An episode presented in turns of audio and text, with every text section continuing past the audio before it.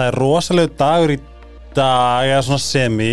Við erum að taka upp á 50 degi og ert að hlusta á sama dag þetta podcast kemur út. Þá er uh, þetta 50 dagurinn fyrir Black Friday.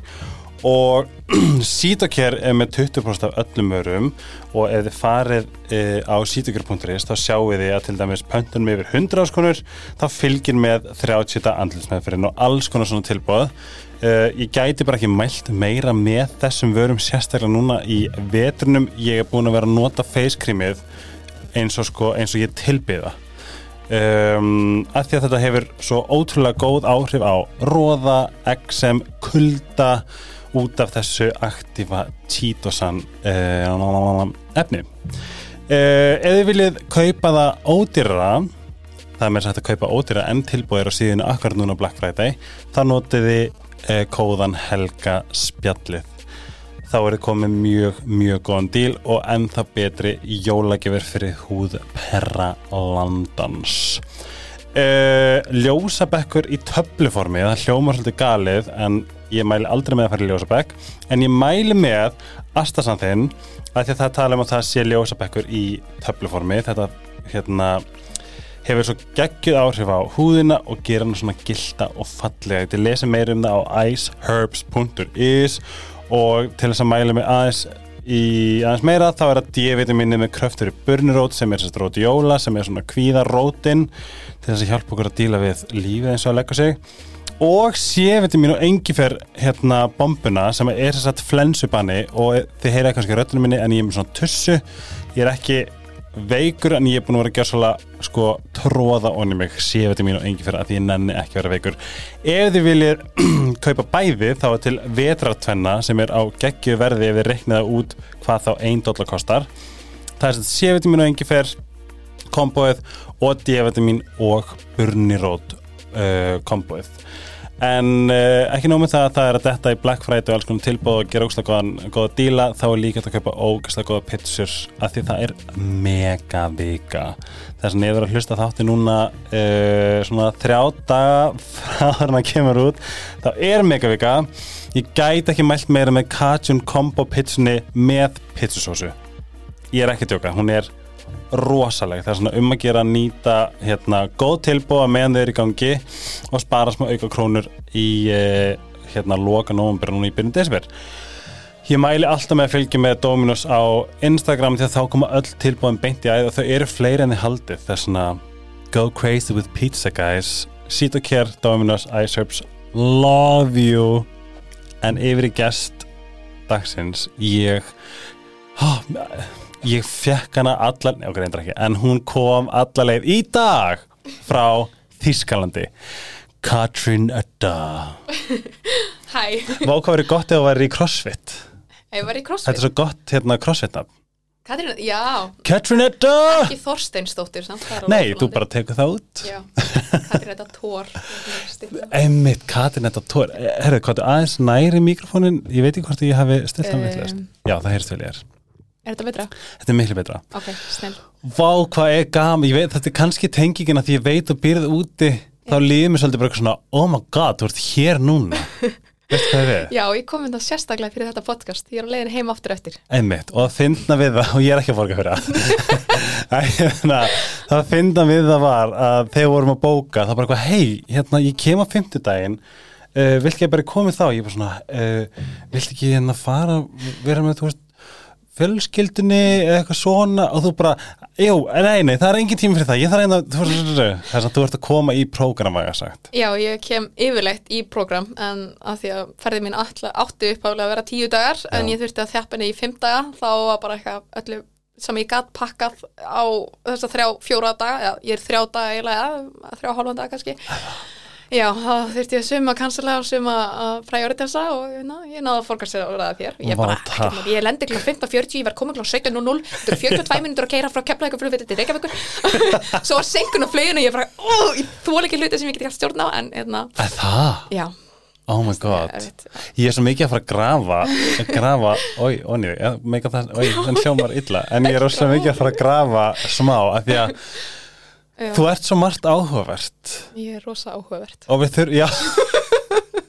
Þú ert áhugavert. Og en það góða við þetta podcast er að ef við myndum hittast bara í bæ og ég var bara, oh my god, hæ, þú ert æði eitthvað svona, það væri okkar exchange bara örglega frekar bríf, frekar krútlegt örglega frekar stutt. En að því að við bara erum með lavenduróljuna undir fjögur augu í einhverju krútlega stúdíu þá þurfum við að fara bara, það fáið bara kynnast. Ég veit það er allir í lavendurólinu I know, það er líka svona hérna trúðserum mitt. Já, er svona, þú ert að fara að labba út í samsköpi með nóa súkulegna hægri hönd og lavendurólinu vinstri hönd. Ég, þetta verður eitthvað rosalegt.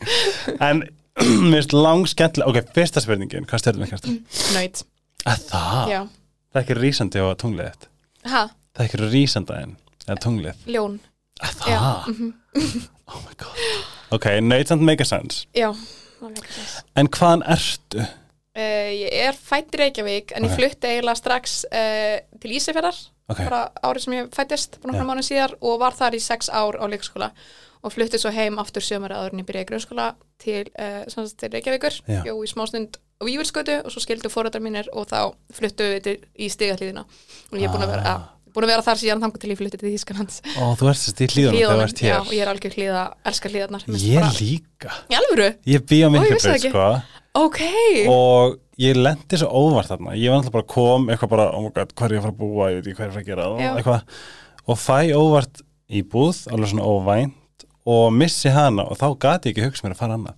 Vá, ég, ég elska, sko, ég bara, ég var í hlýjaskóla og svo var ég í Vestló og maður getur labbað í kringluna, getur labbað í Vestló, getur labbað í Skeifuna, getur labbað í, í og, já, og svo getur líka verið öskilhiðin og Nautalsvík og bara ert komin í svona fallega náttúru og ég bara, ég, og getur labbað nýr í bæ, ég mitt labbað úr bænum, algjör, sparað fyrir miljónir í legubíl, eða þá tekið legubíl fyrir ekki 100.000 krónur, eins og myndi kosta 1400 kall. Já, nákvæmlega, það er bara kekkja og ég bara, og svo kefti ég sjálf íbúð í stegahlýð Ah, í mæ, já, bara okkar fjárfesta og er að leia hana út, sko.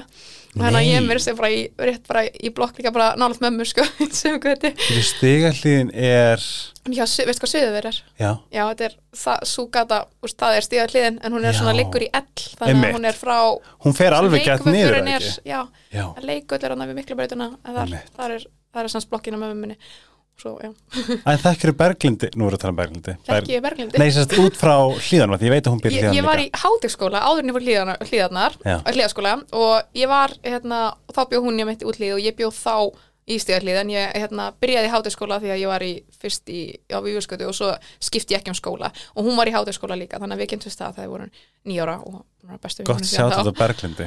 Algjörlega, Hún er sko, hún er sko my personal assistant í lífinu, það bara skiptir ekki máli, já, ég bara, skiptir ekki máli hvað ég er að gera, það er bara ekki að berglið, og ég skrifa svona, og ég gera það svona, hvernig á ég að tala við, ef ég er í einhverju lífskrísu, þá er hún bara það, já, eða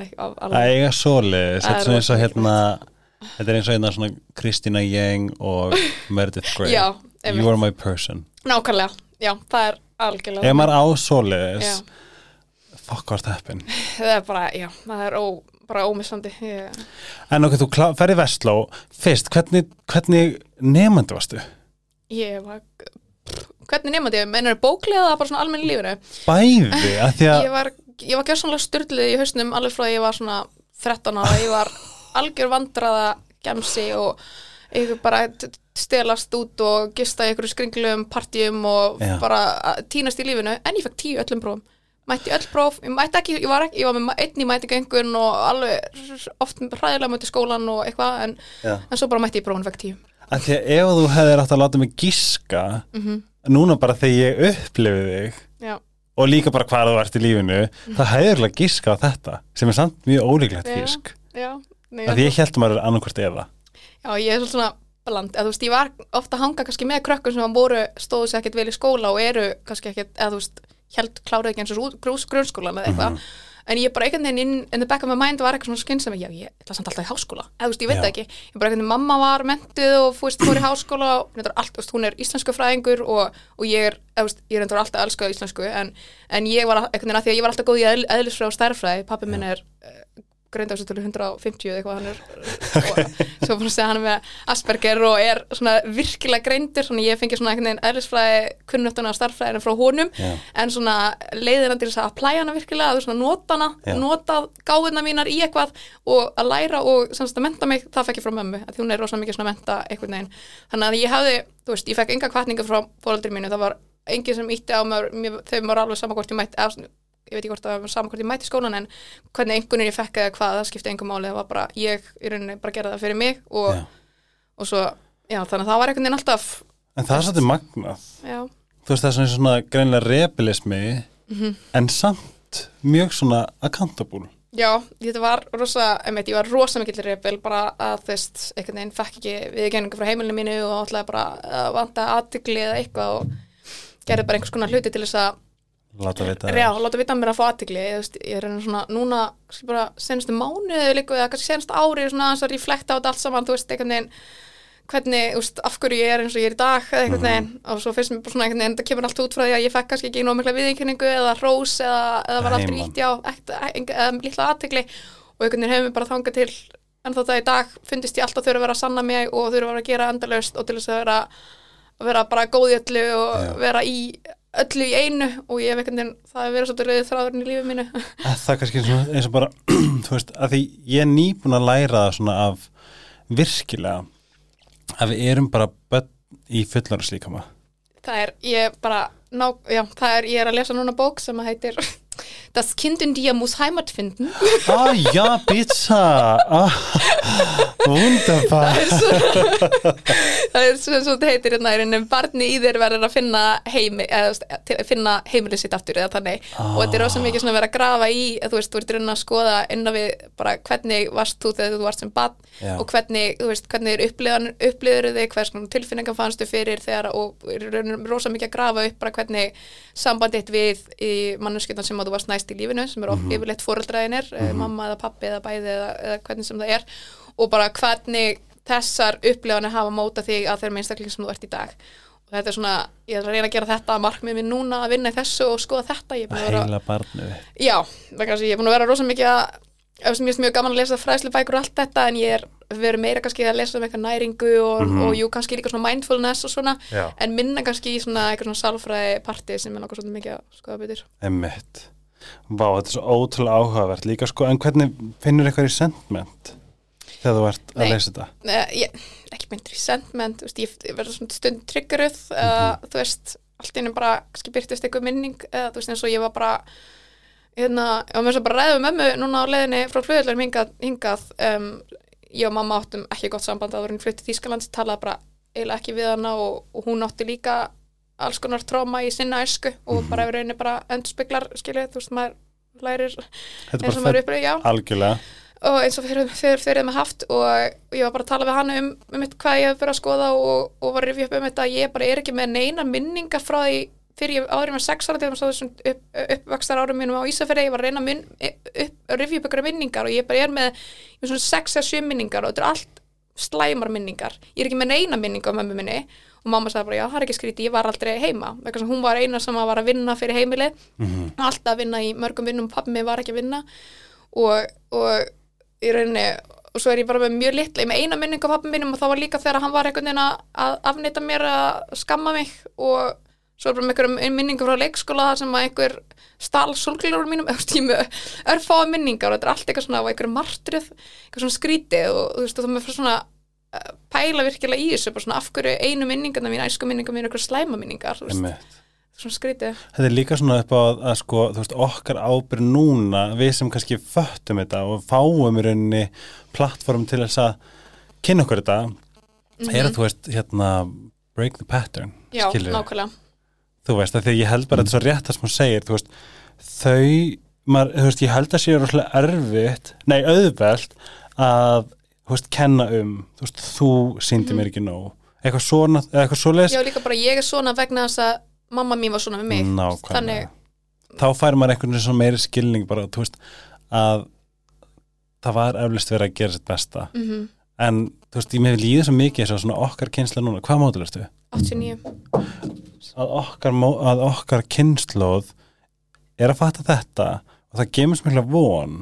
Mm þú veist, í áframhaldi hérna, Já, ég er sammála. Þetta er algjör að því að eins og bara mamma mín kannski hagaði sér svona því að mamma hennar hagaði sér eins og, mm og svo var alveg eins amma mín gerði það vegna þess að mamma hennar var svona. Einmitt, en svo kem ég og í rauninni þegar ég var til dæmis lítil og upplýði alkohólisma heima fyrir mér þá hugsaði ég bara ég ætla bara bara mér sko fyrirbauð bara, ég bara Hættir gæti ekki hugsa mér já, ég hætti að drekka, ég byrjaði að drekka ég á 13 ára, Mhm. drakk rosa mikið og svo hætti ég að drekka ég á 15 ára bara svona, eitthvað, þú veist, þú veist, 15 ára batn, já, ég er hætti að veist, bara, hvað er að þér, skilur Einmitt. og ég, hérna, og svo byrja ég að því að líka oft þegar ég var mikið, ég var mjög drukkin þá myndi ég mig á mömmu mína þegar hún full og þá bara gersamlega, og ég var svo full af heifta og sem aldrei frá bara 13 til 20 eiginlega, bara Mhm. að ég bara gæti ekki hugsa mér og ég allavega, að það var eitthvað, eitthvað sem ég var allavega 100% í, þá verður aldrei að vera drukkin fyrir fram bönni mín, bara, Mhm. það bara kæmi ekki til greina, en Ertu meðvirkið kjölfari í dag?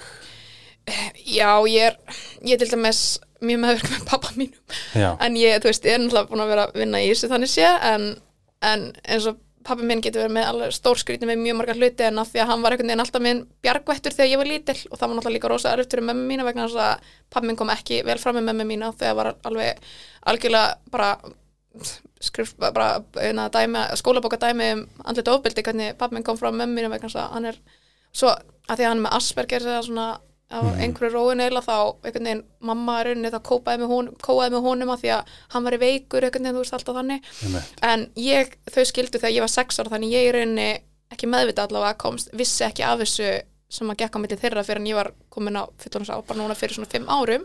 Já, þannig að í rauninni þú veist, um, ég hugsa og svo, svo var kannski mamma drukkin eða eitthvað þegar ég var lítil og þá kemur pappi og bjarga mér innan að gæsalappa, ég ringi hann og hann bjarga mér uh, og þá var hann alltaf minn bjargvættur og ég bara einhvern veginn alltaf bara, hefur hann bara verið minn bara ég bara, þú veist, fyrsta sem ég gerði þegar ég fekk vinnu í Boss var bara eitthvað, pappi, ég, skal, ég get bara borga fyrir því hérna húsi, ég get borga, þú veist, bara eh, fara alltaf að gefa hann mentar skjafur og pening og eitthvað.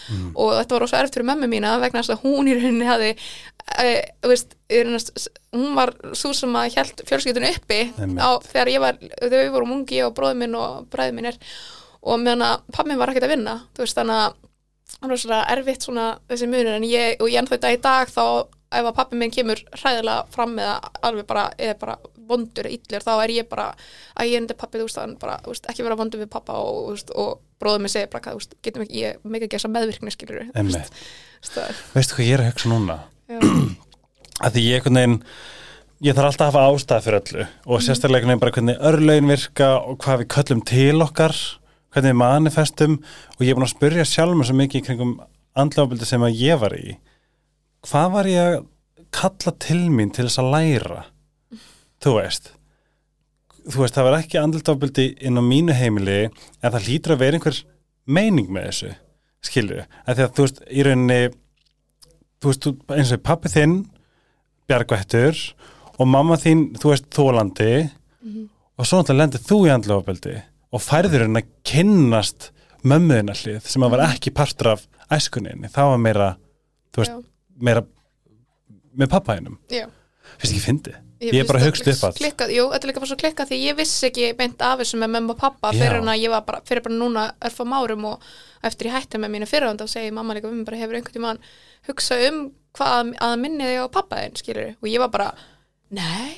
En jú, þú segir það, skilur og svo bara segir hún mig meira frá veist, en var hún alltaf að venda okkur með því að vera ekki að tala illa um pappa skilur eða þannig og fyrir, veist, þannig að þetta var og svo bara einhvern veginn, veist, og samt þó ég haf ekki meðvitað og verið vitna af þessu ofbeld sem var hjá milli þeirra, þá lendi ég samt í svona já, þannig, þannig að maður svona einhvern veginn, þetta hefur alltaf áhrif á börnin þú veist, ómeðvitað. Einmitt, hvort að þú veist hvort að, hvort að maður kalli þetta til sín út af einhverjum lærdómi eða eitthvað. Þetta er spurningin sem ég er búin að spyrja mig bara, veist, af hverju ég? Svona, hva, hvað, hvað á ég að gera? Þetta er eins og bara að fara á hnén og spyrja Guð bara, tell me what to do with this. Eitthvað svona, eitthvað Já, svona. en vastu, en eins og til dæmis ég núna bara sko, eftir að ég hætti með ofbeldssambandinu þá sá ég bara stutt eftir það til dæmis að yfirmaður minn í þávarandi stöðinni algjörnarsessisti kom hræðilega fram með mig, hann bara algjör bara konu hatari og var svo algjörlega ekki að gefa mér sko, ég var að gefa svo miklu meira en allir aðrir í vinnunum minni Já. og fekk ekki launahækkunum sem ég átti skilið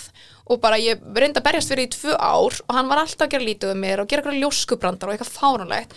Og svo ákveð ég semst bara, þú veist, það var bara ok þú veist, ég er farin, skilur, þá bara skipti ég um vinnu, Já. fekk líka bara betri vinnu, bara undir eins, miklu betri stað og bara herri laun og hann líka bara, þú veist, hvað vinnum það? ha, ég var innan boss Já, Ég fór- innan boss, já, innan einmitt. boss, þú veist, boss er með þau eru alveg 400.000 mann sem vinna í á þessu fyrirtæki og svo getur 400.000 manns þú veist, það er endalisa deildir, þú veist, og ég var til dæmis á einni, eða deildir, þetta er, þú veist, svæ, þetta er bara rosalega stór, stór hierarki, skilur ég, og Er það bara svona village? það, Svona boss village eitthvað leis það er fullt af viljus, ég var í einum, til dæmis, á það sem ég var að vinna í, í Svíberdingen, Svíbedingen Svíberdingen, SJH, Svíberdingen, Ég fór sko til Berlínar var að hlæja Mér finnst að finnast það tungumál ever já, það er verra í Suðu Þýskalandi, þar sem sagt, þar voru, Þú mátt sletta þýskus mikið og vilt oh. býta Ah, vielen Dank, vielen Dank. Also, da wechseln wir gleich auf Deutsch. Und ab jetzt rede ich nicht Deutsch. Nei, en, en, en þú veist þannig Village, þar sem ég var að vinna í Svíbyrdingen, þar voru 6.000 manns að vinna. Svo skipti ég til Abstad, sem er líka svona og þar eru 4.000 mann að vinna. En þetta í veist, því bara svona fjögur þúsund og svo reiknar skilur meðalaun og svo reiknar þú veist skatt á hverju og þú veist bara sem fyrirtækjandi ég fæ bara svona fokk að það er koma mikil innkoma Það er líka bara, þetta er bara einhverjum biljurðum og einhverjum skilur sem að, þú veist, Oh my God. en, en samt alltaf spara, spara, en, Mhm. en já, en hann sem sagt bara, þú veist, þegar ég fekk svo bara, veist, skipti um og skildi, Mhm. þú veist, eftir þá, þá var óskaði mér ekki eins og til hamingi og var bara um, algjör fáti. En það sem var kannski enda meira er að einn besta vinkurum minn úti sem er hálf þýsk og hálf írsk hún lendir svo í narsisista, guð hjálp mér, ekki honum, nei, nei, bara í, hún var strákur, um, maður sem hún var að deyta. 50 maður ítalskur. Mm -hmm. hann væri bara algjörlega eitt, sko. Og hún var í rauninni, og hún sjálf átti rosalega skringilega veist, tengjum mjög margt við hana, sko, og hún hérna og svo fyrir við til sikilegar saman í hittu fyrra um, september. Og ég reynir eiginlega til þess að heimsækja þannig mann sko, sem að þau voru að deyta og hún segir að hann sé æðislegur og eitthvað, hún rosalega látt sjálfströst og þá bara er, hittu við hennar mann og hann er bara er, ég sé bara strax bara, þetta er narsisti, hann bara við fórum út að borða hann vildi ákveða hvað við ættum að borða. Og hann bara, þú ert að vera að borða hrossa, hrossakjöt við unu vinkunum mér sem er vegetarian. Hann bara, já ég ætla að fá mér hrossakjöt, ég bara, þú borðar ekki hrossakjöt. Þú veist, svo voru mig bara, já þú Katrín og þú ætlar að fá þér hérna pastadisk. Ég bara, nei, ég er að fá mér þetta. Og hann bara fór svo töðunar á hann sko stjórnlega stjórnsemi. Og svo long story short þá sagt snappar hann á hann um kvöldi vegna þess að úst, hann vildi raunin að hún myndi bara úst, segja mér að vera ein heima og hún myndi vera með honum og við, og hann semst hættir að tala við hana sæli trítmötu og við tökum bara tvo dagar í sikili þar sem við erum bara að tala um og úst, ég bara, hún er að segja mér meira frá og ég bara, ég tengi við allt og ég bara segi, þú veist, og hún vissi alveg hvernig minn fyrirhandi var, sko, og ég segi bara þetta er bara þetta út af þessu, þetta er bara, sérðu, þú veist þetta er, bara, ég sé bara öll öll, bara öll signalin, hann var algjör skólabókadæmi líka af narsista og, og hérna, hún fekk bara algjörlega, bara svona, var bara mind blown og hún segir við mig bara, já, þú veist, ég samt ennþá vil vera með honum, þú veist, ég vil bara ennþá dreina óski mín sem núna að við verum saman, ég sagði, já, ég veit það, eða, veist, það er bara ekkert mál, veltu bara, ég vil bara, verður hinskilu við mig, að að þetta tekur tíma, þú veist, þú varst bara komast að þessu núna og ég, alveg- ég sá bara allt fyrir mér, sko, vegna þess að fyrst, fyrst sérðu hann er ofbeldsmaður, svo verður svona heldur áfram að vera með honum, svo lendur aftur í þessu, Þetta maður vil ekki gefast Já, upp á mannesku og þetta tók alveg, hvernig var þetta, september 2019 og, nei, 2000, jú, nei, 2020 fyrir ekki, fyrra, September, e, já, Ok. september 2020, fyrir ári, má stutt síðan samt. Já, og hún er samt, veist, og hún er, og svo bara, send, og sagði bara við hann bara, ég mun aldrei dæma þig, verður bara hreinskilu við mig að þú fyrir hitt hann aftur og bara, og sem hún gerði, svo sagði hann bara alltaf bara, já, þú veist, að ég ætla bara hreinskilu við þig og ég byrja að hitta hann aftur og, ég sagði bara, ok, ekkert mál, bara verðu, þú veist samt þetta fyrir að gerast aftur og bara tala við mig um þetta skilur. Og svo bara, svo send, var hann alltaf að senda bara, ó, eitthvað heldur að honum finnst ég ekki nóg flott eða því svo bara, og ég bara endalist að senda henni og hún sagði bara, að ég hefði bara svona bjargaðri því nú er hann sko komin út úr þessu.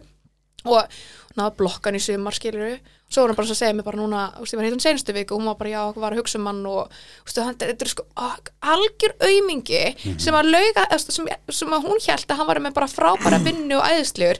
Hann sko var rekin fyrirtækinu sinni fyrir vegna þess að hann stál úr því, stál pening. Svo típist narcissist behavior skilur að vera bara, bara enga reglur gildaði mig, ég get bara stólið því sem ég vil. Þú veist, hann var, var rekin því, fekk vinn ykkur annar staðar, var rekin þar Ítalíu veist, að vinna eða ekki vinna og er núna sem sagt á Ítalíu á aðdælisbótum frá Þískalandi og er í svona svindla kerfinu og, og samt er hann að ljúga henni sko, já ég er sko kæra hérna og ég er að fara að fá okkur 300 miljón efur og, og hún trú, hún var bara, heldur hann sé að ljúga því? Ég bara, auðvitað er að ljúga því. Nákvæmlega. Veist, en þetta er það sem ég er að segja þetta farið samt úr því að ef þú hefur verið í ofbeld sambandi þá sérðu þessi red flags í sko öllu, þú sér þetta í samböndum, þú sér þetta í vinnufélaginu, þú sér þetta í öðrum vinasamböndum, bara öll svona eitru, þú veist, Finnst þetta ekki líka verið pínu skeri þegar vaknar ekki eitthvað því að ég, ég finn það hvað ég er orðin hrættur. Ég er bara svona, er, veist, að að líka þeir eru svo ógæslega mikið manipulators mm -hmm. að maður hugsaði bara svona er þetta alvöru? eða er ég að fara að lendi þessu aftur mm -hmm. og núna ekki nómið það að bara eftir að ég vaknaði þá hjálpa ég bara þú veist persónulega, ekki á samfélagsmeilum mm -hmm. bara þú veist vinkonu mínar mm -hmm. bara eitthvað ég, veistu, veistu ég, ég ætla ekki að fara eitthvað algjörlega að henda að sprengja þig en þú verður að fara að lesa um til um nassisma og gákast að eigi við hann að því að þá útskýra þetta svo margt ég get ekki sagt hvað er margar í kringum mig sem eru bara fuck ég held þessi er Já. þú veist bara því að maður, maður er svo vaknar ég, þú veist, maður, maður næst í sér í augunum að þeim En þetta er eins og þú segir, þú veist, af hverju ég og af hverju, þú veist, þú getur hugsað, skilur, þú veist, lendir í þessu og nú getur þú hjálpað mm -hmm. þeim, þú sér þessi symbol annar staðar sem að, þú veist, að ég hugsaði hann bara vák ef að, þú veist, eins og hann unnum vinkunum meina, skilur, að ég bara ef ég hef ekki lendið þessu, það er potið ekki set og ég hef ekki getað hjálpað henni, hún er bara, hún er bara þú bjargar lífið minni, Nákvæmlega. Bara, En ef við förum aðeins út í þína upplifun mm. ef við tölum að sem, þú veist, hvernig var þetta í, í þínu ábyrðisambandi, hvernig byrjaði þetta og hvena fórstu svona að taka eftir bara svona hvað, hvernig, hvernig var henni svona uh, uh, hvað heitir þetta, andlega hliðin þín innan þessa sambands? Uh, sko ég var, þegar við kynnumst þá var ég á frekar vondum stað andlega kannski myndi segja þú veist, mm. áttum á því, ég var mm. bara til dæla nýpur í þessari vinnu, ég þekkti engan í fluttu, semst ég var í háskóla í Karlsruhe, þar áttu rosa marga það voru margir íslendingar, áttu marga vini mm -hmm. fluttu til Stuttgart til þess að byrja nýja vinnunni minni, þekkti rauninni engan þar sko bara -hmm. null, null personur, þannig áttu rauninni bara enga vini, þekkti engan, þekkti engan vinnunni, var ný, í svo eignast ég hérna tvo kettur sem ég ætli frá Tyrklandi, götu ketti oh. já, og þau voru rosa veik þannig að ég var endalist í dýrleiknum og annar er að vera fyrir svo óleiklandu sjúkdóm og bara var bara, sem þurfti svo lóa sko árið síðar og, og sorglegt. Og ég átti bara, úst, allir peningur minn fór bara eitthvað dýrleiknum kostna, ég var ekki með einn Hvað ár var þetta? 2015 Ok. Og hérna, ég átti engin, átti engin hús og greið mig á mér, þannig að ég átti bara, hafði gefnaði var líka eða mánaðlega penningi, millir fór á pappavinn mm og bara var bara einhvern veginn ekkert sérstaklega kannski á góðum stað. Og svo -hmm. kennist ég honum og hann er að vinna bara, ekki vinna með mér hann er í þessum byggingu og ég semst, bara í annari del og hann er svona, hann er rosa veist, franskur, rosa romantískur og byrjar að senda mér og rosa heitandi og, og fer með mér á date og mér fannst það bara ekki að aldrei fara einhvern veginn alveg date og, og svo er hann bara, byrjar bara alveg að því lita Já, og þú veist, og bara við erum bara strax bara fyrir varir, komin í samband og hann er alveg bara dyrkar mig og dáir mig og heldur bara að andlita á mig bara vá og bara ég bara horfi í augunaður og bara ég elska það svo heitt og bara ég bara, þú veist, eitthvað alveg og sveipa mig einhverjum gjöfum og elda handa mér og baka handa mér og, og bara ég bara aldrei upplæðan eins og ég bara vá hvað ég er elskuð, þú veist mm -hmm. bara lóksum bara þvíli bara viðkynning bara og vá, trúlega gaman og undistætt bara, fannst bara æði og þú veist, og við bara eiginlega byrjum saman að einhvern veginn í oktober 2015 eða eitthvað og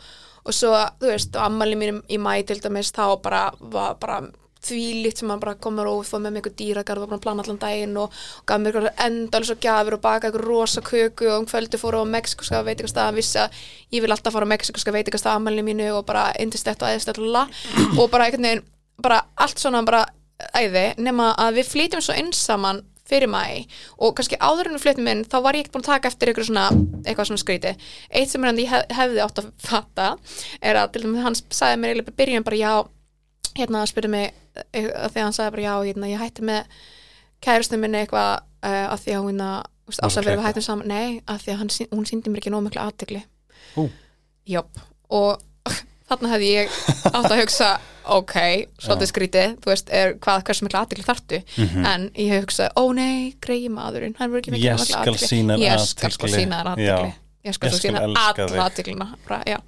þannig að og, og svo náttúrulega vissi ég líka af því að hann áttur rosa átt, koma áttur rosa erfið æsku pappans var ofbildsmaður hafði bara líkamlegt afbildi á, á mammans og mamma þurfti að flýja pappans af því hann var að, næstu, búin að að búin að kasta nýfi átt á honum og, og hann var bara alveg upp eitthvað einn með hundi eða eitthvað því að það var engin heima og bara áttu rosa bátt skilur eitthvað mm -hmm. og ég var bara vá og hittlaðist eitthvað rosa mikið að honum hvernig það væri og eitthvað og maður fyrir svo brjálast þetta svona oh my god, já, elsku já. Já.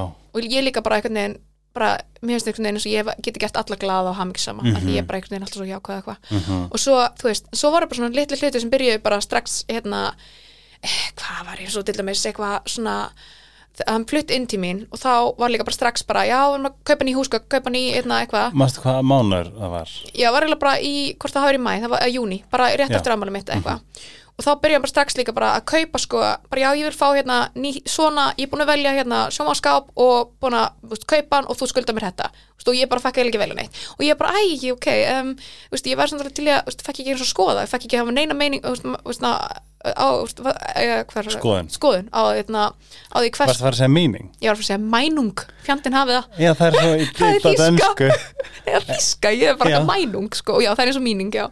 Einmitt, já, eða ennsku, er Engin mænung. Engin mænung, já, ein mænung, já ég stundum meðrætt með að finna í skorðum núna. Það gæði vel fyndi en hérna, þannig að hann var að byrja bara alltaf að kaupa en í íbúið, skilur, Mhm. íbúið og ég ætti að borga helminginu að því og það hérna, og svo líka til dæmis einhvern veginn að þegar maður þvó þvott, þú veist að það mátti ekki þvó meira en þrjú handklæð ein, einu vegna þess að eiginlegur þvottavélina og, Mhm. og, ef að, og, og ef að ég gerði það þá var mér ekki tristandi fyrir þvotti og, Ná, og svo þegar það var að fara í skóna einhvern veginn þá, hann, þú veist, ég aldrei veit að manneski sem að, hérna, vippa sér aldrei í skó hvað, veist, hann þurft alltaf að reyma þú veist, alltaf að leysa reymanar á hverjum einasta skópari líka svona íþróttskóm, þú veist,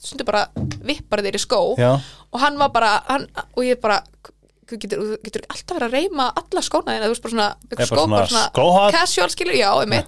Hann bara, hann bara, nei, þú eðilegur hann skóna þína og bara, þú ert, þú veist, Vá. þú, þú náttúrulega eðilegur alla hlutina þína. Vá, þetta, ég tengi svo ókslega mikið sko. Já, já að, veist, það var bara svona allir, svona, allir hlutinir hans fóru einhvern veginn, mátti aldrei mátti einhvern veginn aldrei snerta hlutina hans og Mhm. svo byrjaði ég bara að taka eftir hvað allt, þú veist, að hann Má ég segja eitt áður en að þú Endilega. heldur áfram? Að því að sko ég er að fatta núna, ég vissi þetta en eins og íbúin okkar ef ég átti eitthvað frá að heiman eitthvað sem var tilfinning, tilfinningilegt gildi fyrir mig já, það fekk það að standa þá mútla hann held ég að vera búin að gleyma því og allt ót mitt var alltaf pakkað niður. Þetta, þetta er eins og pappi minn. Pappi minn gerði þetta með mömmu mína. Já, bara tók bara hlutina sem hún átti bara og gekk bara hendið með að bara þú þarft þetta ekki, ég held að sé kannski eitthvað svona að halda tengingunum við bara oh korið þetta heimilið já. sé bara einhver óg Já, það er, það er nokkla þannig. Pappi minn til dæmis líka vildi ekki að mamma mín hefði mikið sambandi fjörskun sína, minn líka hann sko, hann sagði hann fannst bara alltaf svo óþægilegt að svo þú veist, þetta var bara einhvern veginn alltaf ég, ég, svo, svo bara einhvern veginn ignoraði ég allt þetta, það var svo mikið á skrítindóti mm hann vildi aldrei að ég að taki, taki myndir, ég hætti bara alveg ég hætti líka bara frá æfingar af því að hann fannst bara asnar þetta að vera frá svona mikið að rektina og bara að það vera alveg fáralegt og, og ég hætti að, hætti að borða mati sem, mati sem ég borða mennilega, hafragrautur ekki alveg matur og protein shaker saman styrar og, og á, þú veist, bara, veist, hann bara, og ég var alltaf þurfti bara að borða matin sem hann gerði þess að tók mér finnst að gefa góður og, og, og ég var bara hana hann að breyta sjálfur mér að, þess að, hætti að taka myndir, hætti að setja á Instagram Mhm. að því að þú veist, hann bara, ó, ég vorkinni svo fólki sem þar, veist, þarftu á þessu að halda og ég Mhm. vorkinni fyrir að, og bara, eitna, ég, mjög vombriðum og allt eitthvað svona, já, ég bjó- bjóstu bara við meiru af þér, heldur en að gera svona og þetta og heitt, Einmitt. skilur ég man eftir þegar ég átt að hef ég bænum aðstofa að hjálpa mér með myndir við erum alltaf að gera content skilju já, það var sko, ég var að fara yfir Instagram mitt, bara svona fór tilbaka og eða hvert einast skipti sem ég sá bara, já, hann tók þessa mynd og það var alltaf rifildi eftir það já, já, já. Það er eitthvað svona bara því að þú ert er og sjálfselskur og sjálfskerfur. Það er bara vorkindi fólki sem er svona sjálfhverft já, já, við bara amdur aldrei taka mynd fyrir mig, sko, glemdi Mhm. það var bara ekki búið og þú veist, og svo var bara einhvern veginn já, svo var náttúrulega bara algjörlega svona, alla sín eigninu mátti bara ekki snerta neitt að fá lánað og ég mátti ekki kera bílinn hans og bara þessi bíl var náttúrulega bara það var náttúrulega fólk sem var, svo var ég náttúrulega á samfélagsmiðlum, var ég ekkert sjálf meðviti um einhvern veginn hvað þetta væri ræðilegt en svo eftir að voru fólk bara, já, mér fannst það svo skrítið og svo tala um þessar reglur sem þú þurftir að fylgja þegar þú varst að kera bílina sko, á Instagram já, ég, ég, ég, sagði sko málið er, ég mátti, mátti, ekki, mátti ekki keira bílinar fyrst, bara það var bara, þetta er bílið minn mátti ekki keira punktur. Og við, úst, ég átti ekki bíl og, og ég var bara alltaf búin að fara að lest, lestum að stræta um eitthvað og, og við fórum, við vorum að vinna í sömu byggingu þannig að við meika náttúrulega sens að við varum að fara um saman bíl. En ef ég þurfti að fara ykkur, þá bara mátti ég ekki fá bílinn á og ég þurfti bara að taka lest eða stræta og eitthvað. Og svo var ég bara eitthvað, heyrðu, ég þarf stundum bíl, þú veist, stundum þarftu bara bíl skilur Einmitt. og, hérna, og það var hann bara eitthvað hérna, bara, og þetta var bara orðið mál og ég var bara eitthvað, ég get ekki verið bara án bíl svo hans fyrir bara að kaupa, veist, annar bíl. Þá vildi hann hérna Um, veist, og svo sagði ég bara, veist, mér finnst það samt ekki meika sens að kaupa nýjan bíl að því við förum hvort eða vorum að æfa samstað, vorum að vinna samstað, mm. -hmm. má ekki bara fá lána bílum stundum, þú veist, og bara ég er ekki með neinn eitthvað ég kann alveg að kera bíl og, og, hérna, og þá vildi hann, alveg gersamlega bara vissi ekki hvað hann að gera stakk upp á því að ég myndi kaupa sko gamlan svona stóran bíl sem að ég myndi æfa mig á í eitt ár Hættu Jú, til að hann myndi treysta mér fyrir hans bíl og þá segir hann bara, hvað, þú veist, það er alltaf út í hött við leið, við höfum ekki efnaði að vera að kaupa bara nýjan bíl allt í hennu, Mhm. í öðru leið, þú veist, ef við erum að kaupa nýjan bíl, þá erum við að kaupa eitthvað þægilegan bíl sem ég langar í og ekki eitthvað stóran hjá hann, þannig þá get ég ekki treystið fyrir mínum bíl og, og svo einhvern tíma loksins treysta mér fyrir sínum bíl og, og þá bara sko reglurnar alveg bara, þú veist, þú máttir ekki, máttir ekki reyfa stýrið nema þú sért að bensingíðun á sama tíma og þú máttir ekki bakka nema maður snúa stýrinu, þú máttir, ef þú kveikir, þú kveikir á mótornum, þarfst að býða eftir að snúningurinn sem komin upp í 1100 snúninga, eh, annars eigðilegur í mótorinn sem er bara bull, þú veist. og já, og ég var, þú skiptir máli þú skiptir aldrei máli hvað þú segir, þetta er ekki rétt hjá þér vegna þess að hann var sannfærir um annað Nákvæmlega. og hann sagði bara, ég, sagði bara já, á internetinu, þú googlar hérna já, interneti hefur ekki rétt fyrir sér. Ná, og þú þurfti að opna gluggan eitthvað við og þú þurfti að snúa, þú veist, það bara voru svona átjón reglur sem þú þurfti að fylgja. Og svo bara hérna, einn daginn þá er ég hérna, um, þá er ég að sækja eitthvað og um, einhverja, einhverja búðið eitthvað og hérna var á bílum hans. Og þá kemur hann bara sest, sest til stýrið og bara þú mátt aldrei keira bílum minn aftur. Og ég bara, ha, hvað minnur? bara fæk kvíðan út, þú er búin að eðalega stýrið. Og ég bara, er ég búin að eðalega stýrið, hvað minnur þau? Hvað minnur þau? Já, sérðu það er hérna far í stýrinu og ég er bara, ha, ég sé ekki. Þá hafði ég verið að keira með ring og það var bara svona far, þú veist eins og að þú ítir skilur með nögluðin í húðina, þú sérðu svona far Já. sem að fer eftir smá Einmitt. og hann bara, nei, bara eðalega ég bara, þetta er ekki eðalega stýra, jú ég bara, þetta er minn bíl og ég ræð og þú mátt ekki keira bílum aftur og þetta var bara svona og þú veist, Leiðir eins og getur aldrei gert neitt rétt í, í, þarna á þessum tíma. Bara alltaf, þú veist, skipti ekki málu líka. Að, þó að hann var að gera eitthvað vitlaust það bara aldrei afsökunar, sagði bara að það væri mér að kenna.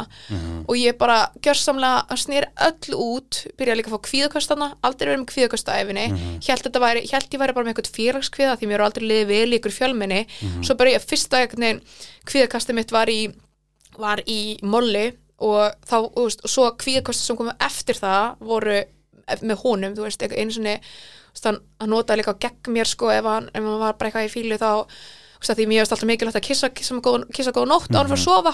Bara ég bara var að vera að kissa góð nótt, alltaf svo leis svo bara ef hann, þú veist, var í fílu þá bara, nei, þú veist, þú átt ekki skilið, kissti mig ekki góð nótt. Og einu sem var ég bara, þú getur ekki verið, þú veist, ég gerði ekki neitt að mér og bara byrja bara gessamlega og var bara ofend á skilur í rúminu og og, og ég stendi upp fyrir baðarbyggi skilur og er bara það bara hágráðandi, þú veist, í kvíðakasti. Og svo var líka kvíðakasti einu sinni vorum að þegar hann var reynir rökraði við mig að það væri lægi að slá börn.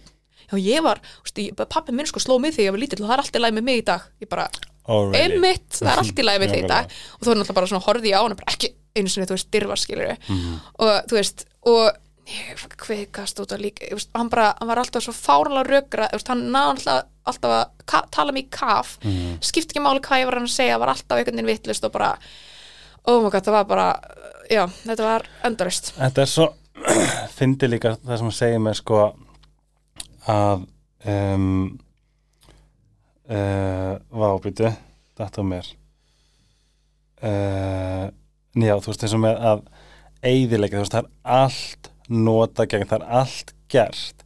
Til að láta efa bara hvert einasta being sem þú ert, bara hvert einasta mólukjúlu Mhm. er látið efa og líka sem, að því ég tengi líka þú veist við kvíðakostin, ég hef aldrei verið einhver kvíðasjúklingur. Mm -hmm, ég hef bara einhvern veginn alltaf að spjara mig. Mm ég hef mætti all partí félagsfælni var ekki eitthvað sem að ég tengi við þegar ég bjóði hérna heima þess að ég var alveg svona og ég var alltaf að segja bara fyrirgeðu hvað ég gallaður og bara takk fyrir að elska mig fyrir þátt fyrir allt þetta. Já, ekki með þetta en það, allir þessi kvillar hafa komið í kjölfæra ofbeldinu. Ok, þú veist, ég enda á gæðspítala á einu tímpúndi og var þarna bara, ég get ekki verið að láta hann, veist, ég þarf bara að, að, þú veist, ég get ekki verið svona mikið byrði fyrir hann, oh god, já. En samt vitandi það, vitlaust, já ekki vitandi það að allir þessi kvíði sem var endalaus allan daginn ég var gjössalega lamaður Mhm, kom út af þessu, af því að það var bara maður var alltaf í streitinu og fight or flight. Mhm. ekki þetta einhverjum geðsjúkdómi sem voru undirleikjandi heldur bara að þetta tryggar endalist áfram. Nákvæmlega. Ég líka ég meika aldrei að fara inn í eina búð sem var á mörgum hæðum með fylgta fólki að því að ég held að myndi að fá kviðakast ekkert út af fólkinu.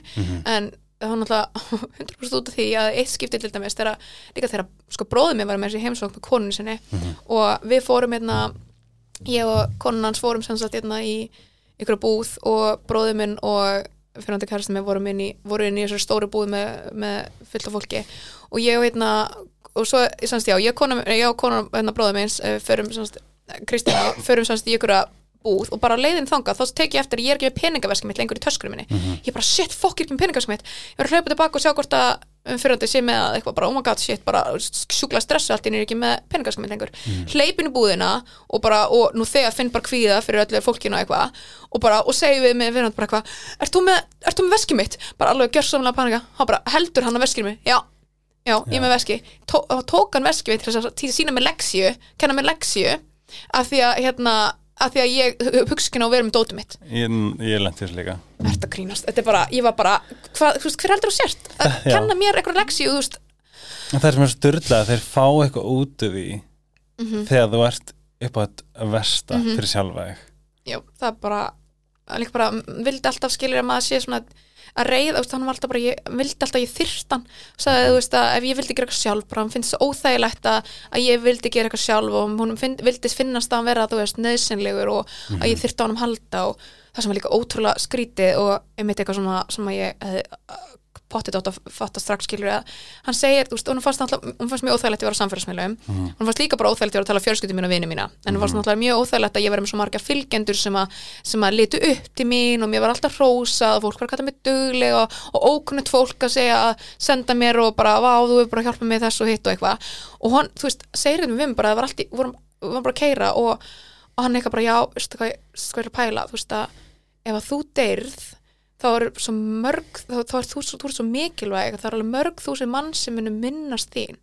En ef ég dey, það mann bara enginn eftir mér, Láta þér lítla með þetta. Já, þá er ég bara eitthvað ok, úst, þá fer ég að gera lítið og bara, hæ, nei, ég er bara með úst, fylgjendu, hæ, þú er alveg að gera lítið úr því og bara, þú átt nú mömmu og, úst, og svo er bara að hugsa, vákvæð þetta er svona brenglu hugsun að Algjörlega. hugsa eitthvað, þú veist, ef ég dey og þú deyrð og svo er ég bara, bara svo var hann bara alltaf Það er tól fyrir þig til að bara líða illa með bara allt það sem þú ert að gera bara að fá samskip yfir öllu sem ég geri Mhm. líða illa bara með, þú veist, þá náttúrulega vildi ég vera ennþá minn einhvern veginn á, þú veist, samfélagsmiðlu með það, þú veist, en, en samt var þetta svo mikilvægt fyrir mig, þú veist, samfélags, ég gæti ekki búið í Þískalandi ef ég hefði ekki samfélagsmiðlana mína, Mhm. að til þess að hafa samband við bara fjölskylda vini og fá feedback frá Íslendingum og Íslendingar eru fyrir mér eins og fjölskylda Mhm. að þetta er svo, þú veist, ég myndi alltaf ekki vilja vera veist, að vera ég get ekki tala ennsku og vera að reyna að fá geti, ég hef pott ekki að fengi orðið voða stór áhrifavaldir í Þískalandi hefði einhvern veginn verið að reyna Super það, já, já. en ég bara nei, ég vil vera ís, um Ísland, íslensku og vera með þessi tengsl við Ísland að það er fyrir mér rosalega mikilvægt. Og ég saði við hann, við hann alltaf að þetta er fyrir mér mjög mikilvægt. Og honum var líka rosa gaman þegar við vorum á Íslandi og fengum rosa mikið af einhverjum, þú veist, frá út að borða ókipis og frá fjórhjól ókipis, frá hótel ókipis það var rosa gaman skilur Algjörlega sama hér. Oh, en svo reyndar, þú veist, hann var alltaf að vinna með svona lista, hann var alltaf, ef það var eitthvað þú veist, hann skrifaði bara hjá sér alltaf hvað hvað fór í tjöðuna á mér og, honum skilur að já, ég hækkaði röddina mína þarna eða ég skildi eftir penna þarna eða eitthvað og þegar fórum í Ísland í fórum til Ísland þá sko, í, í bæðiskiptin sem að hann var á Íslandi þá skrifaði hann lista, ég held hann lista yfir hluti sem ég gerði sanns að illa hætti bara úr eins og fyrst skiptum fórum til Íslands, það var roskritið þá var ég bara, bara degi tvö, þá hætti hann bara að vilja kissa mig bara, ég held hvað? Já, við tölum bara um þegar við komum til, komum til Þýskalands aftur. Ég bara, ok, svo þurfti ég bara að lifa ykkur 10-12 daga með honum þar sem hann vildi ekki kissa mig, vildi ekki faðma mig vildi ekki, veist, bara, veist, líka við bara koma nálægt mér. Og, og svo bara vera bara, hæ, það er svo gaman í okkur Íslandi. Svo kom út bara, já, kom bara hérna, þetta er listin hérna, mánudaginn þegar að bróðin var að spyrja mig að spurningu þá svarað þú fyrir mig. Ég bara, Mm. hvað, hvað spurningu, ég manna ekki, ég man bara ég hataði þig, og það var ekki oft eitthvað svona já, veist, bara já, ég er fílutið, nú okkur ég, ég manna ekki, við vorum eitthvað að rífast eða, það var eitthvað fyrir þetta og ég, þú gerðir eitthvað sem, sem ég, ég, veist, og ég hataði þig. Ég bara, hvað gerði ég? Ég manna ekki lengur. Bara, þá lítur, Nákvæmlega. getur ekki verið svo mikilvægt. Og líka bara þarna er þú móttækileg til þess að vera Ó, gerði ég eitthvað vittlust Þú veist, horfa inn á við og hugsa af hverju ertu svona, Katrín? Hvern, hvernig kannstu gert eitthvað til þess að láta hann hata þig? Vá, hvað þú ert er geta kíkt inn á við, geta tekið ábyrð geta byrst að afsökunar annað en þeir. Þess að þetta er svo, styrla Ég líka, mér finnst svo, sko, að byggast afsökunar er fyrir mér svo auðvelt að því mér finnst það svo mikilvægur og verðmætur eiginlega, eða þú veist, það er bara svo styrla að geta ekki byggast afsökunar vegna þess að, þú veist, til dæmis, ef að þú gerir eitthvað ránt og, og hinn, hinn aðlinn er móðgæður eða leiður eða, eða sorgmætur eða eitthvað, þá það, þú veist, bara því að segja bara afsakaðu, þú veist, mér þykir leitt hvað ég særði þig, það gerir svo mikið fyrir hinn aðilann fyrir báðaðela Já, náttúrulega, náttúrulega. Svo, veist, en þannig að ég var bara, ekkert mál að segja afsaki, bara sorry. Bara ef þið líður illa, þá ég gerði greinlega eitthvað vitlaust mikið leðilegt, fyrirgefðu. þannig ég var alltaf bara fyrirgæði, fyrirgæði, fyrirgæði afsaki, afsaki, afsaki þú veist, og svo svona stundur reyndi ég að krefist afsaka frá honum, skilu, það var bara aldrei, það var alltaf bara, já, þú byrjaði sko að segja þetta úr þessu þess að hann sagði aldrei fyrir ekki aldrei, fyrir en, oh my god uh, þegar við hættum saman þá og það var bara algjör, sko, hann hafði aldrei byrðist fyrirgefningar, aldrei sagt neitt að hann að koma illa fram með mig, ég var að tala um í podcastinu við hér aukaðan já. Hvenær, já, en mitt halda fram að ég ég ætla að gá hvað hvort þetta sé ekki bara nákvæmlega saman ok, og ekki að hann sko oh, þetta var svona já, við semst hættum saman uh, því að, að því ég kemst að því að, að vandamálin sem að skrifa nú listan eru stundum ekki einu svona til, heldur eru þau bara uppspunnin og hann fyrir til Fraklands í þrjár vikur og ég bara allt í ná, ég bara, indislegt bara, ég bara vá, ég bara má borða, borða það sem ég vil. Mér bara smúti skála eins og ég vildi og fór á í ræktin eins og ég vildi og var bara hvað líði vel án, án hans. Þannig ég var bara, ok, við veitum hætt saman. Og hérna ok, og, og hvernig við hættum saman var basically að hann kom heim og hann líka klikkar, hann sagðist alltaf að koma heim á miðvikudegi, svo kemur hann á þriðdagsnóttunni og stendur alltaf bara yfir mér. Ói, eitthvað, og bara að já, ég kom fyrr, ég bara gæst ekki skrifa mér, þú veist, hann hafði skrifað mér kvöldi áður, bara já, eitthvað, ég, þú veist, það kem á morgun, þú veist, svo bara komið nóttina, ég veit ekki hvort hann ætla að nappa með eitthvað fokkin fjanda, já, nákvæmlega. Ógeðst að til skrítið þess að hafa eitthvað á þig. Já, en allavega þá einna sem sagt, svo þegar ég segja bara já, ég held við erum hafi hægt að saman eitthvað, þú veist, hann bara já þú getur ekki gert með hamingi saman, þú veist, þannig að það var bara, bara búið að aðtegli en málið er að svo, þú veist, var hann bara ógeðslegur eiginlega næstu vikunar bara mjög vondur og erfitt að hafa, þú veist, hann var, bara, var bara sem í hel sko. Nema svo bara allt í einu einn daginn þau eru bara já, einna, er ég er bara að koma að segja mig eitthvað, er að segja eitthvað dót og allt í einu gett næs, ég eitthvað, ok, svo kemur hann heim og er eitthvað bara hvernig líður þér? Og ég var að skoða ykkur gamla myndir á okkur og hérna, já, og ég er bara, hvað vil það núna? Svo bara eitthvað, hérna, ég vildi að þú heyrðir það frá mér en, en ég kom með nýja kæristu. Þú veist, þetta var svona sex vikum eftir, eða fjórum vikum eftir hún hætti saman og ég bara, já, já, hérna, ég vildi bara heyra frá mér, þú veist, ég bara, ég hef, myndi ekki heyra frá neinum, þetta er ekki eins og Íslandi, sko, og hann vildi bara segja mér það. Og svo bara, já, ef þú vilt eitthvað ræða þá getur kannski bara hist í vikunni og talað um það. Og ég bara eitthvað, hvað heldur ég vilja eitthvað tala um, þú nýju kærustina, þú veist, það er svo styrlaðir. Og svo hérna, þú veist, fór hann og ég var bara í haustum á mig gjörsamlega bara á ringsnum, bara hvað er hver stelpa er þetta, hvað heitir hún og hvað er, þú veist, eitthvað, komst að þetta var uh, ljósa stelpa sem var í vinni boss, þú ok, bara replaceaði mig eitthvað betur, en hérna, og hann eitthvað bara já, eitthvað, veist, hún er hérna, já, vinni boss og já, hún er, hún er verkræðingur og hún er hérna eitthvað komst að hver þetta væri og eitthvað, veist og, og svo hérna, og svo sagði ég bara við hann bara, veist, hvað, okkur þetta okkur þetta allt er núna svo næsum ég, þú ald, ekki, bara, aldrei fyrir svo næsum ég, hann bara, já, veist að ég bara, hérna um, ég bara uh, veit að ég kom ekki alltaf rétt fram við þig. Skrifa eitthvað svona. Og ég sko, bara við að lesa skilabóð ég sko öskugræniði inn í ég bara laðast á gólfið og ég grét og öskraði vegna þess að þetta var í fyrsta skipti í þrjú ár sem hann viðurkendi að hann hefði ekki gert eitthvað, að hann hefði komið illa fram með mig. Ekki Hann hefði veit komið- alveg. Já, hann hefði aldrei, ok, hann, nei, hann sa aldrei hann baðist, aldrei afsökunar, en þetta er sem sagt eina skipti bara við að þá þetta, ég fekk svo mikla bara svona vá, ég bara, bara þetta fucking döta bara, já, bara, ég var bara, ok.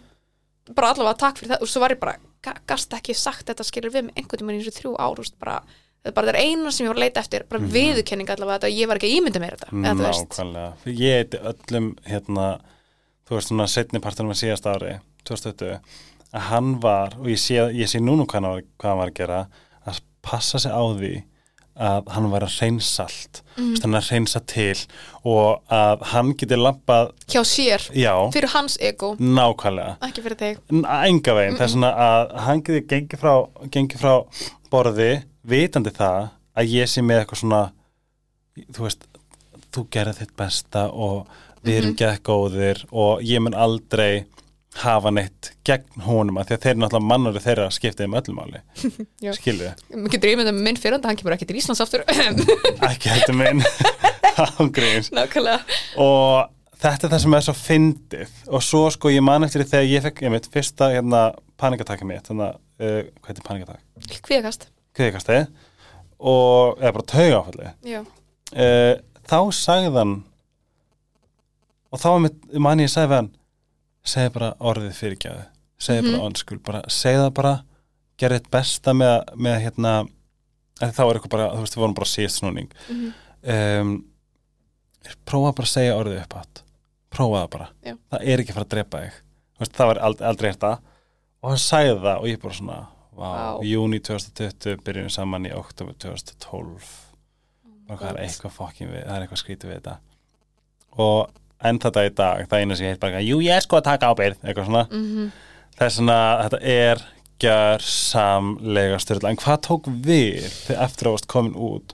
Hvað tók við varandi þig sjálf og þína sjálfsunu, þetta ferli. Það var bara, ég sko hvað við hættum samanlega í júni 2018 og ég átti skringilegustu mánuði lífsminns, ég bara var að eskalata einhvern veginn í allar áttir bara og ég bara, ég hugsaði bara ok, þetta veist ég, ég þetta var svo erfitt, ég átt, við svona fluttum í nýja íbúð vegna þess að hann, hún leið ekki vel í íbúðinni sem að við byggum í. Hann var alltaf kettinni mínu, voru alltaf eitthvað vesen og kettinni voru þetta og kettinni verið, hann vildi bara loka inn í einu herbyggi basically. Og hann vildi veginn flytja nýja íbúð og það myndi leysa allt, það var alltaf svona veginn hans lausna öllu að bara breyta um umhverfi veist, og, og bara flytja til útlanda eða flytja til eitthvað og svo flyttum við nýja íbúð. Svona, stó, svona íbúð sem að sem að var bæði við auglýst í gegnum Boss þannig að Boss er líka með svona íbúðar auglýsingar. Og ég, fe, ég er sótt um þessi íbúð og var með mjög skrýtna svona um, leigusalem var svona gammal, gammal maður og gömul kona uh, ekki það var svona eldri, kannski 60 eða eitthvað. Ekki gömul. Passa sig, nei, Nei, það voru alls ekki Ég bara, bara Það voru besta aldri. Nei, voru, já, svona 65 ára kannski En þau áttu allavega hérna, dó, Dóttir þeirra bjó fyrir ofa mig með mannu sínum Sem var gjör samlega svona einal þjóðveri Sem bara fylgdist með mér út á gluggan Og bara hvart öllu, allt sem ég gerði var ræðilegt Allavega, við fengum þessi íbúð.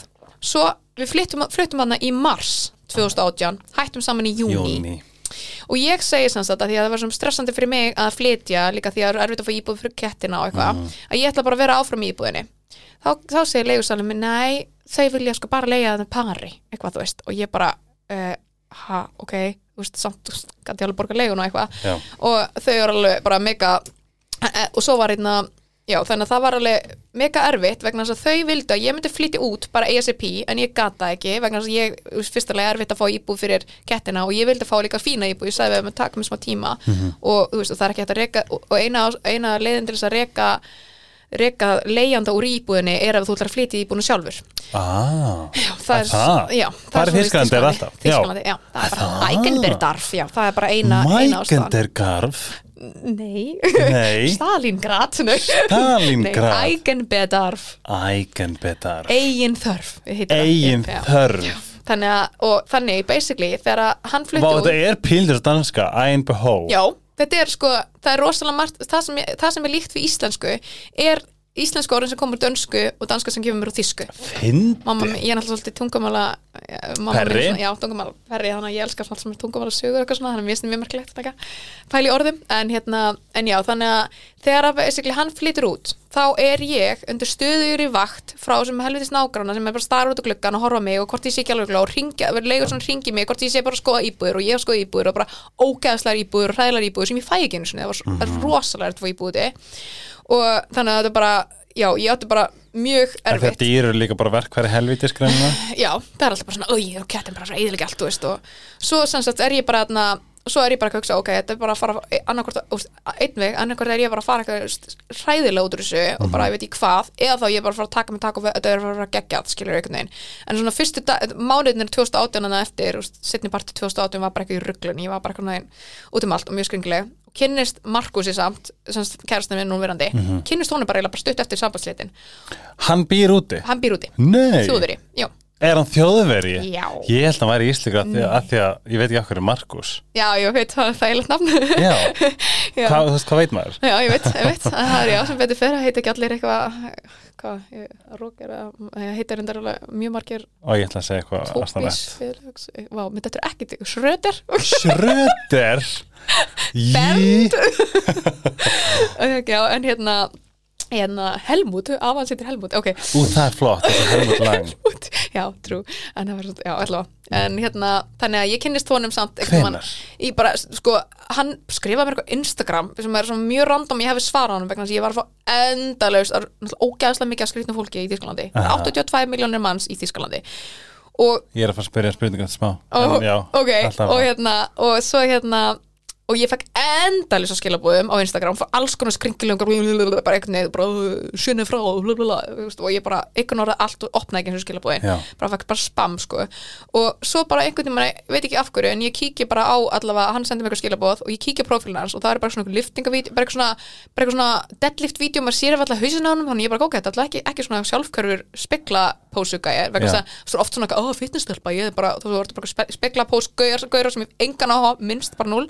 á þannig ég bara einhvern veginn ákveða svarunum og þá spyrir hvort ég vil hitta sig og ég segi bara eitthvað, og ég er svo skrítin, ég er bara eitthvað ég veit ekki neitt um þig, hún er hvað viltu vita um mig? Eitthvað, já, svara þessum tól spurningum. Og ég kemur eitthvað spurningalista ég, ég var mjög skrítin á þessu tíma. Og hann segir mér í dag bara hann held að ég var eitthvað klikkuð en hann svara samt öllum spurningum rosa krútlega eitthvað. Já. og svo segi ég bara eitthvað að ég, ég var að koma í sambandi, úr sambandi ég get eiginlega ekki verið að fara að hitta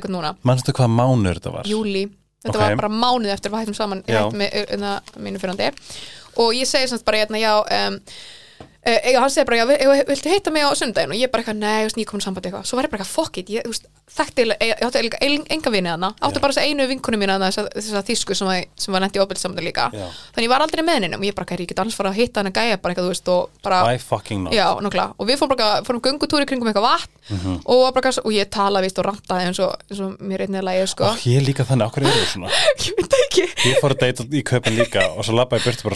svona svona hmm, þetta var einræða. Þetta var innræða He didn't say much. Já, hann líka, hann, Markus er gett svona rólegur sko, bara og á þessum tíma ennþá meir var ég bara hvernig á, yfirsnúning sko, Mhm. en svo bara þú veist, svo heyrði ég bara ekki í honum í einhverju tvær vikur eða eitthvað. Og svo var hann bara kannski eitthvað, já, við hittast aftur. Þá fórum við eitthvað bara labbitúr eða eitthvað, það var aldrei date. Og svo Nei. hitti ég hann bara ekkert í tvo mánuði, já, og þú veist, svo, svo voru hérna, svo hittust við og, og hérna, og, og, og hann var sagt alltaf að vinna næt, nei, hann var alltaf að vinna sem sagt á kvöldvaktir þannig að hann kom alltaf heim klukkan eitthvað hálf tólf á kvöldin, þannig að hann kom heimsók til mín hálf tólf á kvöldin og fór, og svo ég fór á mótnana klukkan sex á mótnana þannig að þú getur ímyndað hvernig deitin voru þessi örfá þannig Þarf það mæti vinnum klunum hálf sex? Nei, fyrir æfingar ég, ég vaknaði klukkan sex og, þú- nei, ég vaknaði alltaf klukkan sex og var leðist ég vinn klukkan sjö byrja hálf åtta eða eitthvað. Er það? Ertu aðtýpa? já, ég Já, já, ég, ég myndi segja ef ég ætti að velja á milli bæði en ég er náttúrulega, ég vunni að Þú ert bara sofa ekki neitt A, B, C og D. Já, ég bara, ég get verið söflaus, ég get sofið, ég get, ég get vaknað, ég get, ég get bara, ég er svona multi, ég er svona adaptive en já, en þannig að hann var bara svona, ég er bara svona ok, þetta er bara svona gæði minn svona on the side, flott, þú veist, allt Mhm. svona get easy going og svo, þú veist, svo bara einhvern veginn í desember eða eitthvað, uh, þú veist, þá er hann bara áður en ég fyrir Ísland sem jólin, hann bara eitthvað, hvað sérðu í okkur? Og ég bara eitthvað, Ó, þessi spurning já. Já, og ég bara, hvað sé, þú veist, að því að það var einn ein, ein, morgun þá, þá fer hann ekki strax heldur fyrir allt bara, ég búið til okkur morgun mátt and okkur, fyrir að gera egg fyrir okkur einhvern mann í desember, Þess að þið voru meira bara svona bara svona having fun. Já, hann var bara mm, veist, ég held að hann ætti bara að vera skilur og hann hefði engan að hóa neinu sambandi dóti, sko, vegna þess að þetta var ekkit, þú veist, ég fór ekkert um eitthvað Það var ekki þannig dýnamík Nei, þetta var ekki svona út að borða og hvað, hvað, hvað er mikilvægur þér? Ferill eða börn? Eða eitthvað svona, uh, alltaf kæfti, þú veist. Ég bara spurning, samt. já, já, ég fór einmitt á date og lendi okkur svona kristinfræði manni sem að spurði mig að þessu.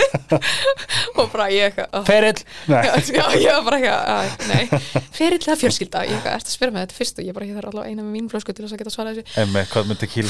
var ekki að, að að ég, það var ekki, það var ekki second date með þessum gaur, en allavega þannig að en ég hef líka var ekki tilbúin að fara okkur date, skilur Einmitt. bara aldrei. En sérðu ekki núna í dag að þessi dýnamík var mögulega besta mögulega dýnamík sem þú hefði geta sem þú gast unni með já, til þess að kynnast einhverjum? Jú, að ég hefði bara aldrei getað farið eitthvað date, gæti ekki hugsa mér að trista, finna, úst, ég vissi Mhm. ekki hvað er þetta að finna stráka, ég vildi gera tindir eða hvað þetta er eitthvað.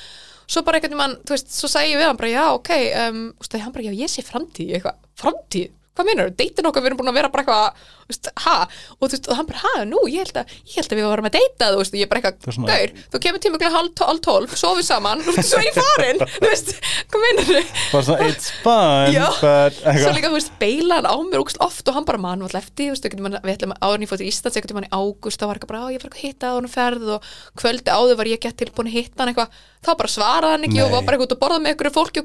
eitthvað Nei. er hann? ha, hann týpuri? nei, hann er fucking, nei, hann er fiskur og veistu hvað, væng, ei, veistu hvað er skrítið? Ha- að- Sko, seinustu, af seinustu fimm kærastónum mínum eru fjórir af þeim fiskar Það, svo er það ofbeldi fisk mitt var líka fi, fi, fiskur En það gildir ekki Nei, Vill ég meina, að því að ert narsisti þá ég veit það, það vegna skiptir já. ekki máli hvaða styrnum ekki meira að því að minn fyrrandi var týpur eins og ég Já, og uh, pappi minn er tvíburi En ok. Mm, En, en það gildir ekki. En ég er satt að segja að þetta gildir ekki vegna þess að íslenski fyrir, ég var með íslensku strák og undan etna, þessum narsisista og hann var fiskur og hann, hann var algjörðindi mjúkasta blóm eða ekki? Jú, og hann er rosa svipur, svipar að mjög margar leitar mjög svipar að Markus eða þeir eru bara svona geðið svona easy going, fyndnir ekkert Going stress, with einhvern the flow. going flow, svona creative svona, Já. bara einhvern veginn Öðru sem ég, já, og þú veist og, og líka fyrst, fyrst ekki sem er svona líka fiskur hann var líka svona rosa rólegur og góður einhvern veginn. Og þannig að, þú veist, þannig að ég held að fiskur sé alveg góður og eins og segir, að þú ert narsistið það er ekki er ekki með. en það er mjög fynda, ég hef allt inni bara, ég var bara eitthvað já, að við lenda alltaf sem sá stjórnuverkin, ég bara hvað trús þetta er eitthvað manifest sko, því að málið ég m- m- þegar ég var eitthvað svona, bara eitthvað svona, oh my god, ég mun aldrei vilja vera með megi, megi eru ógesta erfið að bleðilega kynnast megi, bara hann er megi ok, já, það gengur ágætlega en ég ætla, ég, mun, ég ætla aldrei að segja meir erfiðar og alveg það, en meir eru svona fyrir tvíbura smá vesen. Já, það. Ég get sagt það, já, já, bróður minn er með, já, hann er líka svolítið erfiður. Er hann svolítið vesen? Hann er er svolítið drama fyrst mér en hann, hann, hann, er aldrei eftir að hlusta á þetta hann, að- ok. Hann er, að í dag sendi mig mynd af, ég var við til hann í, hérna, í uh, nýju lífi, nei, var ég nýju Nei, vikunni, já, sorry. Oh my god, þetta er eitt besta viðtal sem ég bara lesi Æ, takk, en til það var geggjað. bróðum minn til í dag, hann sendi mig mynd af sér á Hárgurstofu, bara mynd, hjælt á blaðinu, ég eitthvað, já, ertu búin að lesa? Nei, ég er nú ekki búin að lesa það, ég eitthvað, flott, takk bless, já, takk fyrir ekkert. kíkir ekki stóri mitt, skoðar ekki, hlustar ekki við til og jálega, já, en hann er alltaf kom partíð mitt á, þess að þú mátt segja allt um hann núna ef þú vilt, ef þú vantar að pústa. Nei, hann er, nei, guð, ef það er eitthvað, ég bara elska til lífinu, það er bara, Ég sískinni eru, ó, já, ég veit. En ég veit, geta verið erfið, en maður er að skóta lífinu, mm, svo mikið. að þeir líkust urðu sýstir með elskar meira en mhm, já, er það er við byrjum eiginlega bara svona saman, þarna, eftir ég kem tilbaka í janúar 2019 og 2019 var bara besta ár bara, oh my god, vegna þess að Æ, 2018 það. var svo erfitt vegna þess- og svo í lok 2018 þá finn ég íbúð, íbúðinu sem býð núna og bara ég held mig að dreyma það, veist, það stóð bara í, yfir- í auglýsingunni katt, að þryggja herbergja kattavinnaleg íbúð. Ég eitthvað, nei, Ha, já, já, og þá var bara íbúðin sko útbúin bara með, svo ég með garð og það er svona neti kringu þannig að kettni geta fara út í garð en verið inn í garðinu Nei. og það er svona efni á, vegg, á tveim veggjum þar sem það getur klifrað upp inn á klóseti, baðherbyggis innréttingin er þannig að þú getur, það er svona það er lítið gat á veggnum hinum einn með svona vafsið fyrir honum þannig að kettni geta farið inn með þetta gat eða þú veist, inn með hóluna og það er kattaklóst hinum einn inn, Hættu. integrerað í baðherbyggisin ég er bara eitthvað, þetta er bara the, já, the cat lady's dream og ég bara, oh my god hvar er hún? hún er sem Stuttgart? já, rétt fyrir utan Stuttgart sko. Ok. og þú veist, og samt svona í svona útkörðu þannig að það er bara beint á svona sveita, svona ve sveitavegum bara, þú veist, bara ótrúlega mikið náttúra bara, ég bara, ég var sko alveg í borginni áður og svo mikið munu núna bara svo yndislega íbúð svo byrjum við saman í janúar, ég byrja í flytti íbúðin í janúar, ég skipt um vinnu fyrir þessa nýju vinnu sem ég fekk, ég var bara, þú veist, 2018 var líka sem ég bara sagði bullshit á hann og fucking hérna, Yfirmann. yfirmann og byrja í nýri vinnu þannig í mars og, og þú veist, og bara hérna og byrja í crossfit, apríl og þú veist, og kynnist á fullt af vinum fullt af fólki, allt inni var ég komin í partí og, og líka Markus á fullt af vinum. Það var líka algjörð rættfleg með vinni fyrirhandi hann áttu enga vini, hann bara já við vorum til Fraklands, já ég reyta besta vin minn. Ég ekki nú, hva, hvenær heitir hann senast að er sjö ár síðan, Emmi. og bara hvenær tala með síðan, mm, tvö ár, er þetta besti vinniðin þú veist, þannig að og þetta var bara allt í henni bara, já. En ég átti ótrúlega erut með að treysta honum. Ég bara held alltaf að hann var að fara og fannst þér hann aldrei þegar þú labbaðir um dyrnar fegstu aldrei svona hvað er ég að fara að labba inn í? jú, eða þú veist, ég bara ég er með þannig. Ég veit hann er inni og ég er að setja litin, að því ég vissi aldrei hvað ég er að fara að labba inn í. Var ég að fara að labba inn í eitthvað hæskan eða bara eitthvað svona það var sokkur á golfinu eitthvað svona, bara, bara eitthvað svona, bara eitthvað svona geðveiki. Minn fyrir hann mynd hann sko bara tók myndir af en því hún fannst alltaf að vera allt í óri hann sagði alltaf að það var allt í óriðu Mhm. hann vildi ekki þrýfa bæði oh my god það var svo sko, veist, mér veist, ég, já, mér veist náttúrulega halló, ég, ég er alveg sko mjög þrifin og Markus til dæmis myndi segja að ég væri gjörsamlega einal á því að, að þú veist allt að vil Bara ekki að vera Monica óriðu já, já, skilur, þú veist, og ég vil hafa allt hreint og fínt. Og nema hann, minn fyrir hann, hann segi bara einn daginn bara, hann vill ekki þrýfa lengur. Þannig ég var bara að þrýfa, þrýfa, þrýfa, þrýfa, þrýfa Mhm. og ég vildi fá þrýfa konu eða þrýfa mannesku, nei, hann treystir engum. Bara aldrei, þú er alltaf ekki hægt að treysta neinum þannig að Fyndi að þetta sé örugglega eitthvað að, að, að þetta er að sama með minn fyrir þetta, hann treysti engu, það mátti aldrei neitt neitt, það er alltaf verið með loka allar þú veist, ég bara aldrei mátti vera með opin glugga, það má, þú veist, ef, að- að Mhm. þú veist, við vorum á, þú veist, annari hæð, samt bara að svalurinn hafi verið opin, Já. það er það, þú veist, það var, það var bara svo mikið paranoia kringum Algjör allt paranoia. hvað var að traust.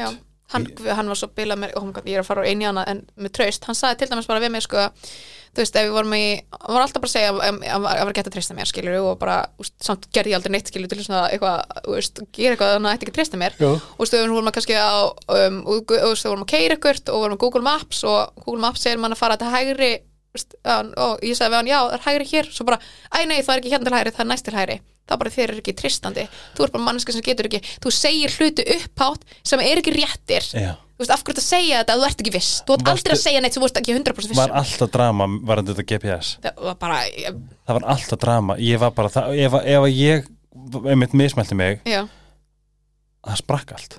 Já. Að meðan við erum bara eitthvað æ, hérna ég er komin í Mosó.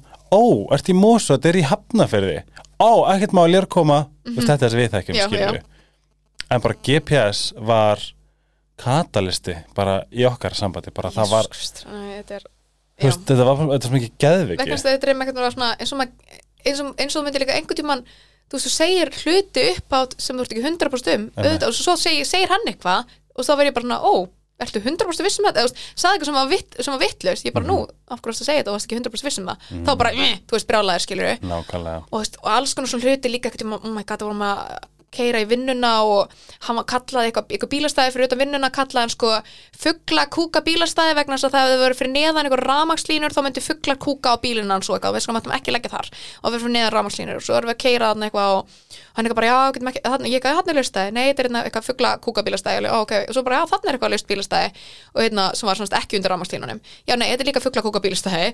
Og ég bara eitthvað, ha, nei, þetta, er ekki undir ramagslínunum svo bara eitthvað, jú, þetta er undir þetta er undir tré og fugglar er í trjánum og fuggla kúkabílun og þetta er fuggla kúkabílstæði sérðu, þú vissir, þú veist, þarna sagði þú og þetta var sko, þetta var svona hálftíma mál að, að því að hann var að segja að ég var að því þú fangir fuggla kúkabílstæði að mér var ekki tristandi Einmitt. og hvernig það hætti að vera hægt að búa með konu sem að segja hlutir sem að er ekki réttir og hann getur bara aldrei, veist, reitt sig á hlutina sem að ég segi vegna að ég bara baula einhverju bullu út um mér sem ég er bara ekkert vissum og bara allt sem ég, veist, aftur skilur gaslighting skilur, allt sem ég segi er bara eitthvað vittlaust og ruggl Var hugsaður ekki líka oft svona þegar ég var alltaf í þessar aðstæðum, ég var alltaf bara svona vá, en ég bara, þú veist, gett chillar ístendingur, ég bara, veginn er ekkert að spákst það mikið í þessu og og var það eitthvað svona útskýra eins og það væri bara, bara ég er ekki að reyna að koma með eitthvað búlst, ég, ég kem bara frá gett rólu umhverf, við, við erum ekkert að stressa okkur á hluti sem það þarf ekki að stressa yfir.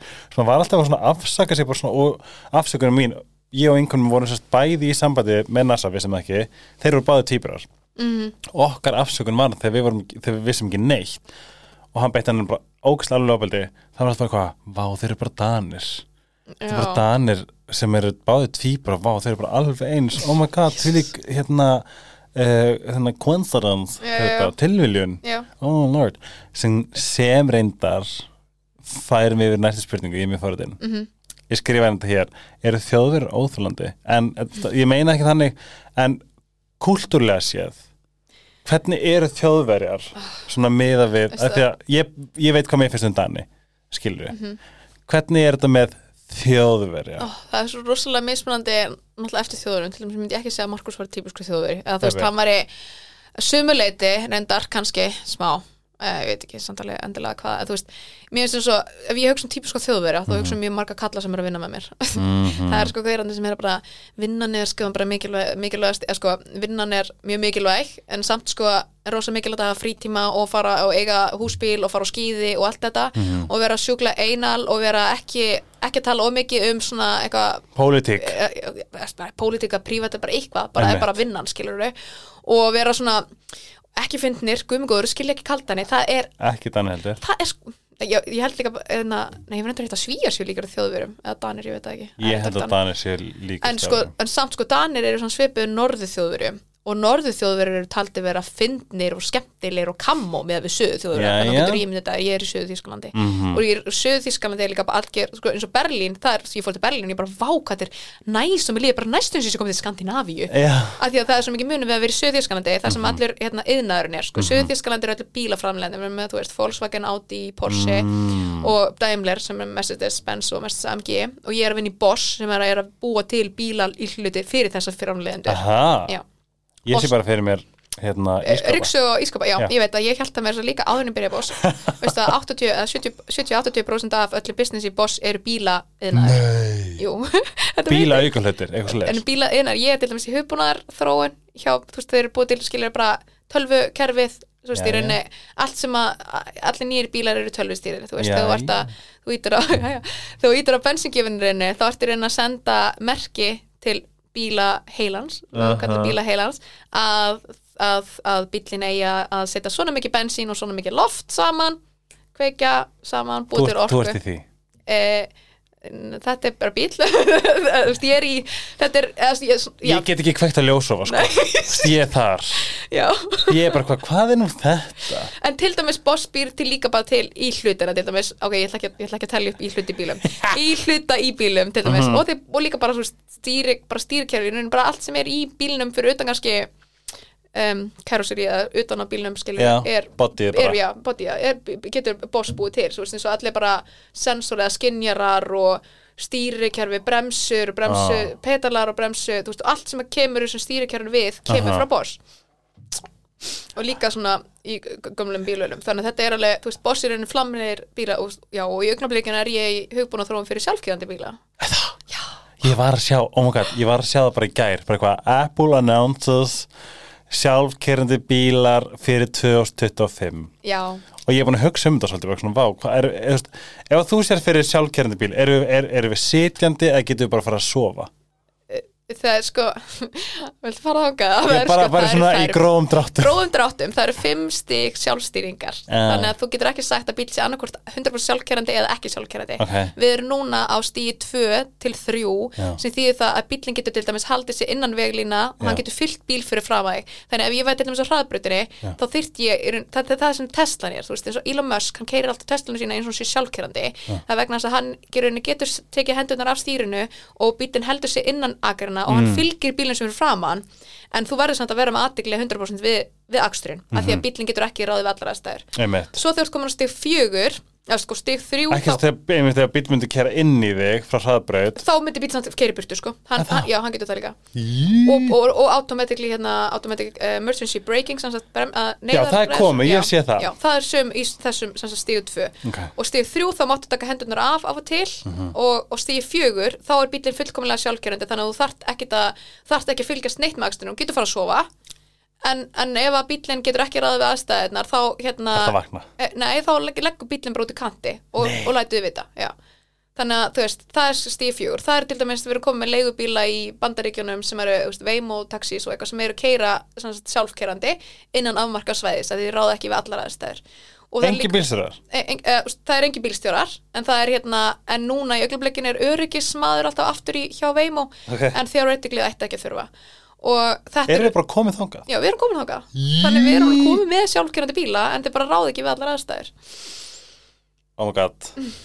Ok, þetta er fucking cool. En ég það er svo margt sem ég langar að spyrja Já, þú varst svona þjóðverið mér langar svo að, já, og basically þjóðverðar eru pínóþálandi, Þeir eru óþalandi og svolítið einal og, og ekki finnir Já, Já, einmitt, af því að, þú veist, gumgóður, ég held bara eftir mörg ár í Danmark og hafa komið heim þar sem allir eru bara, wow, tippi, fyndið, wow, þú veist, getur farið, þú getur farið að fund og þú ert bara komin í eitthvað bara ógslag fyndið dæmi, þú veist, Ég er líka svona típa og veistu hvað Ég er erfitt fyrir mig að við þýsku gömlu fyrirtæki og svo þarf ég að vera allt í einu bara ehm, ó, þið skildið ekki brandar minn. Aha, bara fund, ég var næstu, mér var, sko, það var bara svona, ok, we have a staff meeting og bara Helgi má ekki koma, af því ég var bara eitthvað, wow, tippi, skilju, var bara þessi típa, ég bara get ekki verið eitthvað, jæja, samkvæmt þessari rannsókn, word to guru, eitthvað svona hér, það er bara ekki ég. En á Íslandi, þá finnst fólk þetta bara mjög fyndið og gaman. Já, ég samt, þeir, samt, þeir eru orðnir meira, meira svona nýjunga fyrir eftir hvernig, að það var boss til dæmis, þeir eru, er mjög gamalt, uh, 110 ára gamalt fyrirtæki eða eitthvað og mjög traditional og mjög svona conservative að mörgu leiti, en þeir eru samt byrjar að vera svona rosa nýjungagjarnir að því að, því að, þið, að því það er í tísku, Já. þannig að þeir úst, og ég, þessi yfirmæni minn, hann er rosalega hyperaktiv eins og ég, sko, Ok, hvað? sem tók svolítið mikið og hann, hann, fílar, svolítið, hann fílar svona attitút sko eins og ég er með. Og ég er bara, eins og ég segi, ég er þessi típa og ég get allt, ekki allt inn að fara að pakka mig eitthvað box og verið bara svona ekki komið fyndin kommentin eða svona að fyrir endur eftir kannski hann fundið mér á ef ég taka Já. eitthvað yfir, yfir mannskilur þá er ég alveg svona uh, já, ok. Nú er að vera og mjög vunda alvarleg. uh, Íspinvúst vúrst, nei það segi ég ekki. Hvað þýð það? Ég er pilsa Já, það var þetta fokki fyndið. Já, uh, Danke, Íspinvúst það er bara svona hm, Takk fyrir frá Þorsteinsdóttir. Þorsteinsdóttir, eins og ég heiti úti. Oh my god, ok. Mér langar svo að fara í eitt af Því að, þú veist, ég vildi geta haft þetta í tvo tíma viðbót. Já, ég veit Mér langar svo að forvitnast varandi, að því, þú veist, ég skrifa líka síðustu ár hjá þér þú veist, nú erum við að tala um til dæmis bakgrunniðin, þú ferði í hellanám þú byrjir í Þísklandi við erum að dekka svolítið vel lífið í Þísklandi upp að 2018 Já. en svona upp að í svona bara svona þessi andleri vakningu sem á sér stað bara, í, bara sem er í gangi núna. Þú veist, finnst þér ertu ekki búin að eiga pínu helð ár? Líka bara, þú veist, að þú, veist, þú ert opinn og þú ert heiðaleg og einleg sem þýðir að þú ert alltaf með háa tilfinningilega greind. Verður aldrei bara pínu svona þreytt á því að vera tilfinningilega vera? Menur núna senustu tvö ára eða svo leys Já, bara svona síðustu kannski bara, þú veist, síðustu ár. Já, ég er alltaf búin að fá mjög mikið bara svona, kannski ekki mikið úst, það bara eftir kannski núna eftir ég byrjaði með Markus líka þá byrja ég alltaf svona finna mig sjálfa aftur byrja að geta æ, æft aftur og allt þetta. Svo var ég samt bara svo full einhvern veginn vinnunni og ég var ekki pæla neitt í neinunum að vinnu æfingpunktur, einhvern veginn, það var engin tími fyrir neitt annað. Og svo kom bara COVID.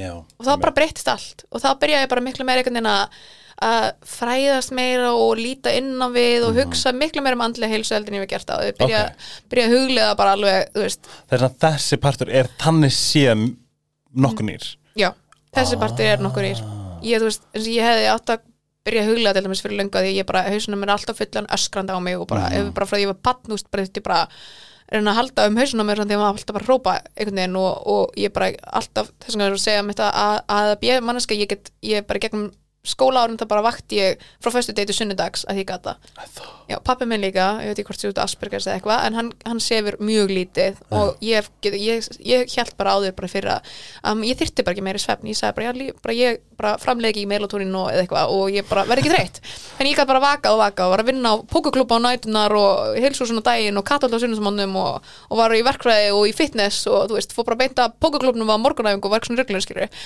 þannig að, já, þess að þú getur æft, þú getur verið full, þú getur verið full on að æfa Mhm. en samt kannski verið með lítinn svefn undir beltinu. Já, ég var að æfa tvisvar á dag, ég var í vélaverkræðin í HÍ á, Íslandi, ég var að vinna í þremu vinnum og ég var bara, ég, just, ég fór bara á 15. nóttum var ég alltaf að vinna eins og pókaglúpp og beinda í háskólana og just, í starfrækingu Já, eitthvað. Og svo flutti ég út og just, ég bara, hefur bara alltaf verið á fullu einhvern veginn, þá til ég byrjaði að vinna þá var minna að gera og þá just, en svo kynst ég mínum fyrir hann deila bara stuttu það, frábært æði. þrjú ár bara sem að í rúst emmitt og svo bara núna einhvern veginn þegar ég byrjaði með þú veist, Markus þetta og var einhvern fyrst kannski eitt ára af mér að bara að koma í nýju vinnuna og byrja crossfit og svona og, þú veist, og finna mig aftur.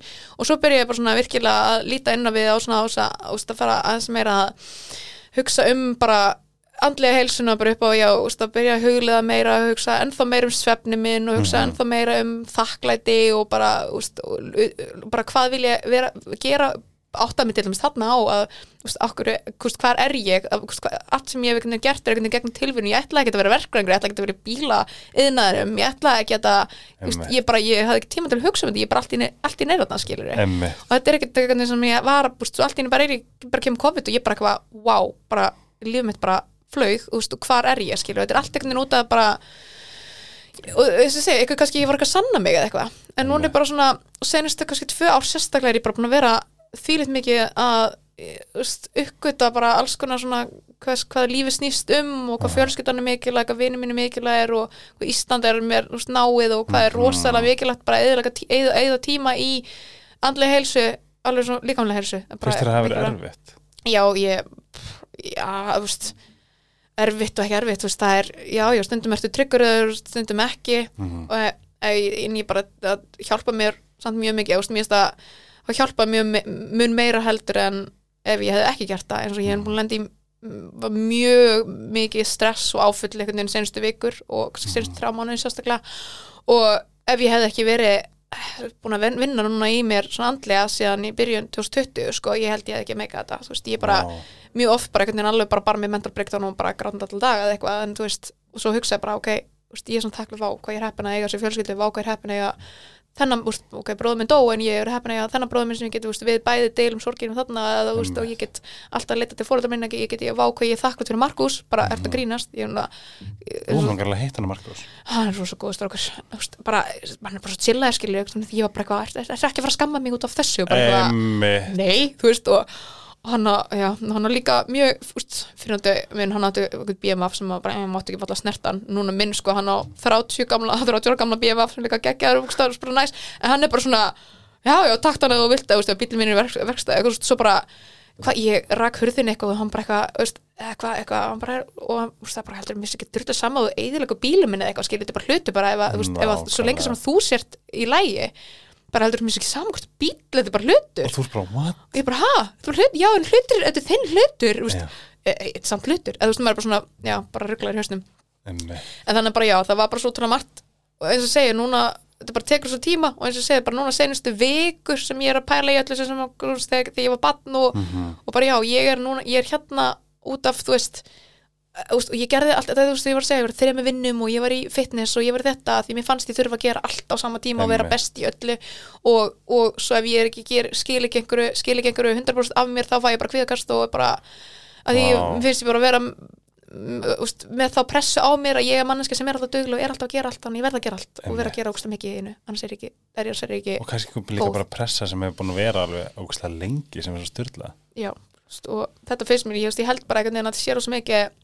þegar ég var lítil já, Childhood trauma.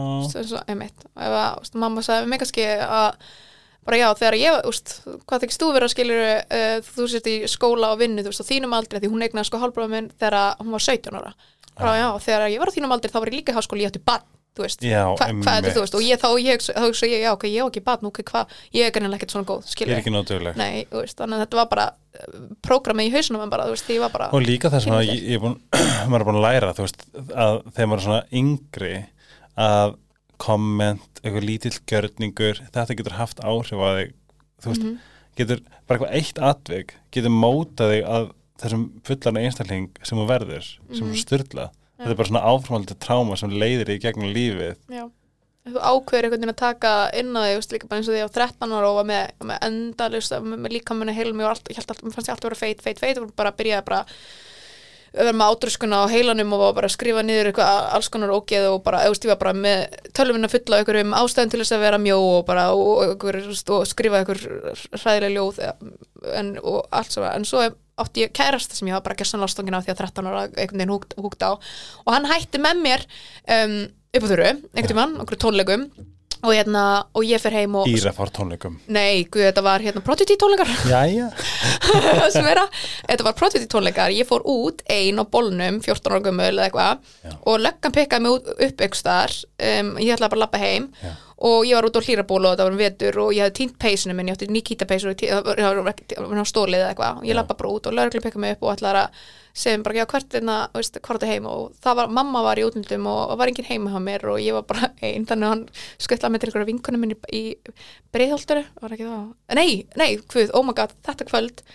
Þetta var einu tónleikar en aðrir tónleikar, þá henda ég þá var ég líka 14 ára eða eitthvað. Að labba í laugadalinn, hitti þar einhver kalla þrítuga kalla eða eitthvað, hann bjóða mér eitthvað partí. Ég bara, já, ég er til komið partí. Og það eru þeir bara eitthvað að drekka og ég byrja eitthvað að drekka með þeim. Fer með þeir í bæ, fer að glaum bar og gauk og stöng.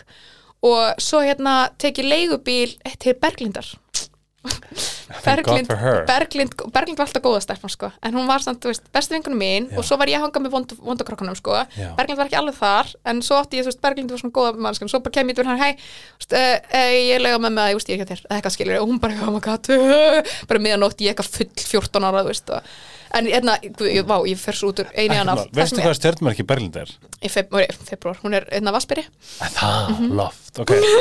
Ok, já, þú ert að tala um þegar hann hætti með þér. Já, ég ætla ég að veit. Og það sem ég ætla að segja samt að, svo komst ég að það var ein stelpa sem að segja mér, hún hafi heyrt frá vini hans að hann hafi hætt með mér vegna þess að honum fannst ég á feit. Ah, og þetta, þetta var MSN spjall millir mín og einhverju stelpu. Ég tók þetta MSN spjall og ég vistaði þetta og ég skoðaði þetta MSN spjall okkur með einsta degi, bara honum finnst þú vera feit, þú ert feit. Og þetta bara, gersamlega bara, bara ég held bara áfram að vera með mína áturskrun og borði ekki neitt og, bara og vera endalist á okkur berstækjum og finnst ég vera ógeð og, og skrifa ykkur sjálfsmórs hugsanir og bara, þú veist bara því að maður svona eitthvað komment sem að hann nákvæmlega. hálfvitin skinn, hann var sko 13-14 og hann var jakkant mér. Mhm. og alveg, fó, já, veist, bara hann þetta segir er þetta. sem er saman magna Mhm. Bara Me- meira sem sko börnin okkar eða börnin í dag þarf ekki að koma frá heimilin það getur bara verið eitt atvik í skólanum. Að taka það svo hræðir að spá í. Já. en ef við tölum að þessum sorgina mm þú veist að missi bróðin fyrir hver sex vikum? Já, hvað mann, já, annan desember. Annandi, nei, annan september, sorry. Annan september. Hvernig ef ég bara svona fæ að spyrja bara svona hvernig hvað gerist, hvernig díla maður við þetta? Og ég veist að ég veit að ég fekk bara eins og ég er ég fekk ógeðslega mikið samvinskupið og ég fekk sko um, ég fannst, ég fekk bara fáran mikið samvinskupið, ég hefði ekki verið nóg mikið með honum. Ég hefði ekki verið farið til, til hans fyrr. Ég hefði ekki eitt tíma með honum meir. Úst, ég var samt alveg mjög miklu samband við hann núna þessu ári og var að ringi hann og tala við hann og uppátt kaffi hans var eitthvað helst þýst kaffi eitthvað ódýrt skýta little kaffi sem ég var alltaf að senda frá Þýskaland til hans Ok. sko, og þú veist að fyndin og hérna, merild. Nei, ég geði þetta var bara eitthvað, eitthvað svona 1,5 euru kaffi sem oh. fór eitthvað nónei merki.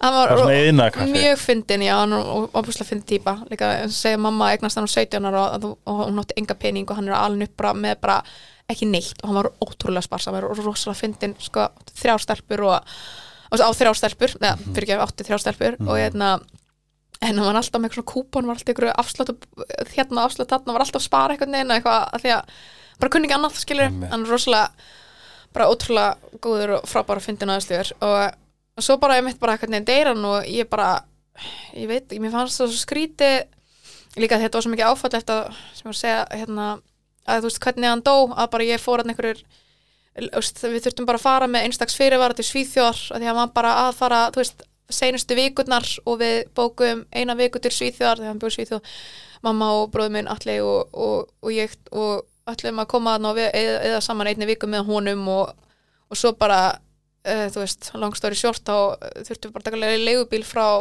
flugullunum að því að honum hefði versnað og ég kem hann eftir mömmu minn og alla og, og þú veist, bara hálftíma Einhverjum eftir þeim já. já, nokkrum mínútum og leiðinni, það sem hann líka gerist á fokkin leiðinni að leigubílstórum minn hann ákveður að stoppa þegar kortir í að við komin á, spítaran þá tekur hann stoppa á hérna beigir okkur hringdorgi og stoppar á bensinstöð nei, Jú, og hann segir við mig bara eitthvað hérna og ég sko bara er hérna, úst, ég sagði sko í byrjun bara, ég, úst, ég var í, bíl, í leigubílnum við þurftum þurfti að taka þurfti að taka leigubíl í 90 mínútur frá uh, flugutinu í Stokkólmi og ég segi við hann bara í bílunum bara uh, fyrir að fá spítan og hann er bara, hvað er, þú veist, áttu tímar ég bara, nei, bróður minn er bara með krabba minn og hann er að deyja núna. Og bara, bara byrja að gráta skilur og hann bara, ó, ok, og þú veist, keiri á stað. Og svo er mitt, þegar kortir ég af þessum komin þá bara stoppar hann bara að fangja bensistu og seg, sen- segir bara mig uh, viltu ekki að drekka? og ég eitthvað bara í sjokki, sko bara, ha, nei? Og svo Oh fer hann bara út og fer á bensinstöð og, og ég bara í sjokki og ég er um að skrifa bróðu mínu semst alla bara með hann og hann og allir og mamma mín og stjúpað minn eru inni hjá Eithóru bróðu mínum og, hérna, og hann er semst í öndunvel, hann er semst ekki vakandi. Ah, en þau voru semst að tala við hann þar og hérna og ég, þú veist, og hann, allir með segja bara já, hann verður allavega vakandi, þú veist, hann verður ekki vakandi hann verður allavega lifandi þú kemur. Og hérna og nema það, og svo bara er hann að fokkin leigubilstjórinn og benstjórinn og ég rík inn í bensinstöðinu bara eitthvað, bróðið minn að deyja en og, og, og spýta það, getur þú drullar út, við erum ekki tíma til að fá okkur kaffi. Hvað er að þér, þú veist, og svo kemur hann eitthvað hann bara, "Ö, já, hvað, og fer út í bílinn. Og svo við leggjum á stað, á spítalan og, og svo erum við komin hann á spítalan og allir bróðum minn tekur á móti mér með tárin í augunum og, og við förum inn í liftuna og, og þá segir við bara, hann, hann, þú veist, Eithor er farin, hann, hann fór bara fyrir kortir eða tímindi kortir eða eitthvað og, og ég gjör samlega, og ég styrlast og fyrst sem ég segi bara eitthvað Einmitt. veist, og ég bara brjáluti hann, en ég er samt mest brjáluti mig að hafa ekki komið veg fyrir að leigubílstjóran hafi færi á bennstöðuna, að ég hef ekki valið betri bíl, að ég hef ekki hann, ég hef ekki verið nógu ákveðin. Og þú veist, að ég núna, svo fannst sem ég bara, ég, veist, ég brást eithóri, skilur, að hafa ekki verið á staðunum þegar hann fór. Þú veist, og, og svo þú veist, segir þú veist, allir bróður minn skilur, ég veit ekki nákvæmlega hvenar, þú veist, hvenar eithór bróður minn dó, en allir segir mér bara, þú veist, það hefði ekki muna neinu, þú veist, það hefði ekki muna neinu en svo hugsa ég bara, ok, er hann að segja það við mér skilur til sem við líða betur eða gerði þið alveg, en þú veist, þetta er eitthvað svona tilfinning, þú veist, og svo var ég bara hjá honum eithór bara, bara hágrandi, þú veist, og bara, bara fyrirgefa, fyrirgefa, fyrirgefa,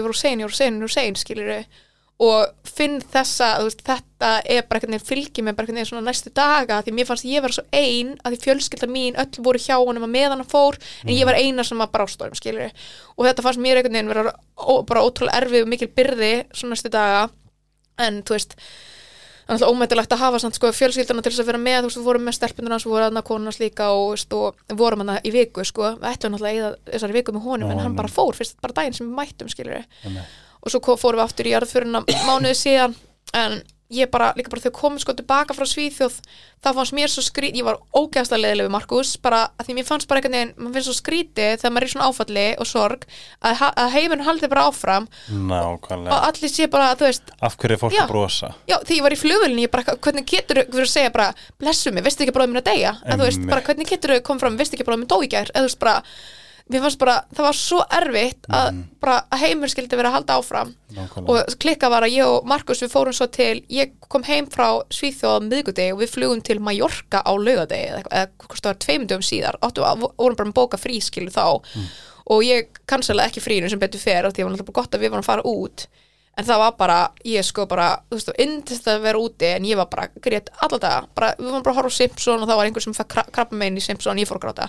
Við, bara, þú veist, við vorum að, fórum fram hjá einhverjum patel na, velli og þá myndi bara eftir, þú veist, að ég það bróðum var að segja mér okkur patel og fór að gráta og svo bara, þú veist, bara allt myndi með á það og ég bara, það var bara allt í lægi skilur að gráta svo sem. Og en það er svona verst, eða svona erfiðasta kannski við þetta var að ég var svo mikið, ótrúlega mikið samviskubit og þetta er svona að segja með að þú veist, erfitt hluti kannski sem ég get ekki haft stjórn á. Og þú veist, þetta er, ég er alveg mestar í því að fá samviskubit yfir hluti sem ég get ekki haft stjórn á. Ég gat ekki haft áhrif á þetta.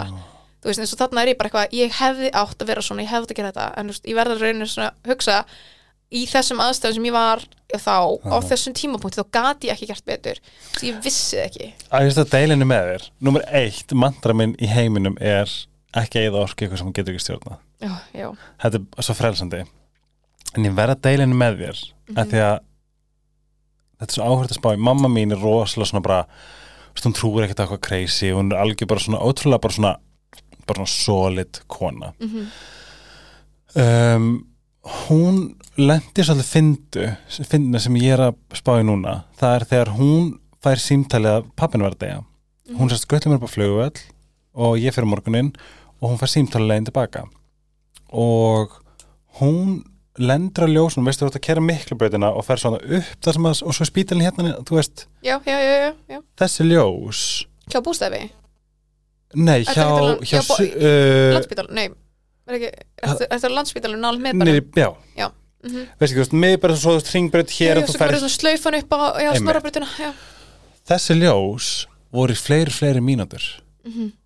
og mamma náttúrulega bara hvað, ok, það er reykt ljós, ég get ekki verið að fara yfir. En hún var samt hún var síntalið, hann er að fara. Já, og hún hugsaði já, um, kannski verður þetta hann. Já Þú veist, að því að hann hefði aldrei viljað já, að hún hefði komið að honum í þessum Að deyja. aðstæðum, já, það er svona, hún held ég fann eitthvað komfort þarna, nú er ég bara Mhm. eitthvað svona ef þetta Já. gefi, getur gefið þér eitthvað komfort. Já, mm, bara, þetta var hann þú já. veist, þessi rauði ljós, þetta er bara ljós sem eru automatist, mhm, einmitt, hvernig gáttu verið í fleiri, fleiri, fleiri mínútur? Já, hún, hún satt bara í einhverju ángist bara, hvað er, gangi?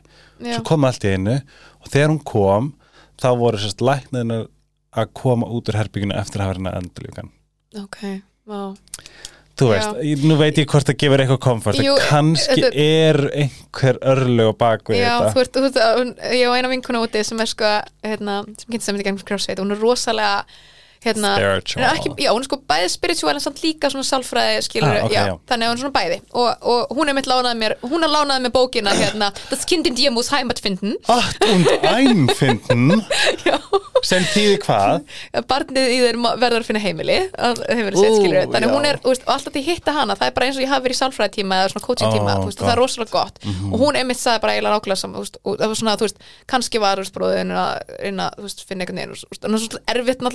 að aðstæðum þar sem að fjölskylda mín og bróðin mín er hjá honum en ég er ein, eða, þú veist, algjörlega. En einmitt, maður er bara svona veist, reynir bara einmitt að hugsa svona skiluru og, veist, ég gat ekki stjórna þessu og, og líka bara það sem að sagði með hérna ég var ekki í flugulinu, bara veist ekki að veist ekki að búist bróðum að degja þegar þið langar að segja þetta. Mhm. já, ég lendi ég sama þegar Harpa vinkun á að ég lendi í miðjusæti og ég og það var eitthvað eitthvað, eitthvað tröflun og ég fann setninguna bara í hálsum á mér. Bara fucking redda þessu vinkonum ég var að deyja. Er það að djóka? oh Það er Þú varst á leiðinni til lands já, var? svo var ég, ég varst, hún deyr skyndilega og svo tekið bara næsta flug. Í, á Íslandi og þú ert í Danmarku já. Og þetta var svo fyndi, ég tengdi bara svo, ég fann Já. þetta svo ógsta stert þegar þú sagði þetta. Ó, ég, bara, ég fór bara tilbaka í flugulina Shit, já, þetta er nákvæmlega það sko. Já. Þú bara, bara, þú er svo skrítið, þú ert í þessu áfalli þú ert með þessu tilfélningar og að fólki hinn er bara, já, ég er bara, lifa í lifinu mínu? Mhm. Hvernig getur það, sérðu ekki Ná, að ég er hérna að upplifa allt þetta. Nei, þess vegna er líka svo magna að spá í nú er ég bara að hugsa upp á já, að maður veit aldrei. Nei, einhver, kannski fær einhver mannskja tanturum í flugulinni en maður veit ekkert hvað var að gerast. Nei, nákvæmlega. Bara svona, hvað var í gangi í þess já, einmitt, það er, það er líka rosalega fallir hugsunhátt, eða þú veist að, að mm, þú veist aldrei hvað er í gangi hjá hinnum einstaklingnum, og þetta er bara, það er ekkert persónlegt nei, nákvæmlega. Aðeins í lokin Mhm. fólk kveiktu öruglega til þess að vera eitthvað, hún er að fara að peppa mig í íþróttum wow, hvað ég að borða kjúklingur og brokkoli aldrei, borða ekki kjúkling og, en jú, bara, bara klæk en hvar, þú veist hvar, mér langar bara að spyrja hvar, hvað myndir segja væri svona besta andlega og líkamlega ráð sem hefur- hendað þér í árangri og balans hvað varðar íþróttir hjá þér? Íþróttir? Já, eða sérst uh, æfingar eða bara fitness eða svona um, ok, ég myndi segja 1, 2, nummer 1, 2 og 3 svepp. En írnist. Ég, ég er enna svafstundum í þrjá tíma. Já, ég og nú ertu bara svef Já, veistu það, þegar ég var að? Jú, þegar ég var að kvætta fyrir fitness og ég var að segja að ég var vakandi í þess að þúsund tíma Veistu það, ég kvættast ekki neitt. Og ég held, já, þetta var rosalegt. Ég bara, allt í einu var ég byrja að borða minna, minna, minna, minna, minna. Já. Miklu minna en allir hinn er Og ég bara skildi ekki neitt og bara, þú veist, kvætta, ég held bara ég var með svo hæga bremslu og nýttaskalgertil eða bla bla bla.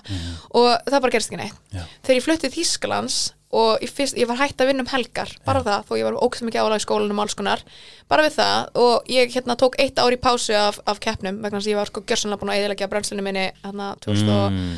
2000 og, pff, hvað var það, 2013 eða 2000, eða, sem að ég tók hérna, sensta móti árin fluttið Þýskalands. Mhm. tók eitt ár í pásu og þá var sko það mót þá, hérna 2013, þá var ég borðað 800 kalorir á dag, ég var að æfa þrísosunum á dag og ég bara allt í hennu mætti, svo mætti því ég mætti á sviðið þá var ég með enga fyllingu vöðunum vegna sem líka með maður bara, bara, bara tómur og svo bara, já, frábært, þannig ég bara ok, ég veið eitthvað takk með takk og svo bara byrjaði ég að borða þúsund kalorir í dag og ég bara þyngdist, ég alveg, ok, flott. Já. svo semst bara, en svo ákveði ég semst að kvætta semst ári síðar um, fyrir páskamóti Næsta mót. já, Já. Á, semst, það er móti, eiginlega, það er alltaf, er alltaf apríl og november, okay. Ok. svona tvö sísón og ég semst ákveði að taka eitt, eitt ári pásu að ég ætlaði bara að koma á skrið og ég þyngdist líka alveg fokki mikið, að, með að við, ég hef alltaf verið eitthvað svona fitness, skilur, Aha. eitthvað köttuð og, og svo byrjaði ég bara að katta að, veist, bara, bara ekki einu svona það mikið og ekki svona harkalega og ég sko hrundi á mig kílóin og ég Er var, það? ég var sjúklega mössu líka og ég, að og ég eina sem ég tengi við er ég var með minna stress og ég svaf meira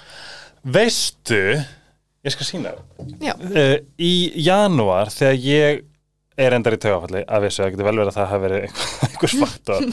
Já það En- er mjög mikið. Stress náttúrulega hefur ógeðslega mikil áhrif. Já, en í janúar, ég nákvæmlega bara depression does a body good stundum líka sko. bara kort, kortisólið þegar það er hækka þá hækkar, hækkar eitthvað insulín sem er rauninni bara að segja líka honum að að nota meiri orku og safna í fytubyrðir sko þetta, þú veist, á mánu, þú veist, ég hef aldrei litið betur út, en þarna, veist, svaf ég til dæmis nóttina í hádeginu, ég var bara alltaf svo ég var, búin, ég var bara svo ógsla búin á því á líkam og sál, en ég æfði samt Mhm. og ég mun til dæmis er þetta með, þú veist eitt, þessi mynd er í desember og næsta er satt 18. februar what, tveimur mánuðin síðar? Já, þarna er ég sko sofandi endalaust, borðandi bara eitthvað svona eitthvað svona high vibration food sem var bara Oh svona átt að láta mig líða betur andlega en líka minn á mér bara líka bara svona veðva uppbygging bara- þetta er ekki bara þú veist, Já, hann bara gjörsanlega breyttist. Já. Ég var ekki einhverjum hellum æfingum og Nei. ég var í crossfit, skilju En þetta finnst mér ennþá í dag magnað, hvað hva gerðist. Að því þú sagði svepp Mhm. Að ég hef alltaf tengt að við, þú veist, að ég hafi bara verið áfall eða eitthvað, líka verið bara líka það sko. Já, ég var náttúrulega, þú veist, yfir í ve- verk, þú veist, ég var að gera allan fjandan, ég var undir, endalus álægi og stressi. Já, og ég var endur alveg undir álægi og stressi líka kom út en ekki eins miklu á en þú Íslandi. svafst mikið. Og ég, s- ég svaf ekki mikið, alls ekki mikið en ég svaf Ah. meir. Ok. ég svaf um helgar, ég, s- eða, þú veist, ég svaf skilur svaf Er það sem tala um, þú veist, 8 tíma? Já, Ok, eða þú veist, eins og þá skilur svaf ég kannski 8 tíma en þú veist, við erum talað um á Íslandi þá svaf ég 0 klukkustundir. Eða fjórar max, virkundum fjórar max og svo bara 0 föstudags lögadags 0 lögadags sunnudags og svo kannski sunnudags mánum mögulega eitthvað. En þegar ég var úti skilur þá svaf ég meira og núna alveg bara sko sacred bara 8 tímar, alltaf 8 og hálfur helst. Ég lí, en, oh, hvenær vaknar þau? ég, sko núna náttúrulega COVID þá er ég, ég er að vinna heima, ég er búin að vinna heima síðan í marsi fyrra, þannig það er ekki luxus þannig ég vakna í alltaf klokkan sjö. Ok, hvernig var það að sofa? Um, ég byrja að undurbúa mig fyrir svefnu sko hálf, hálf tíu sko.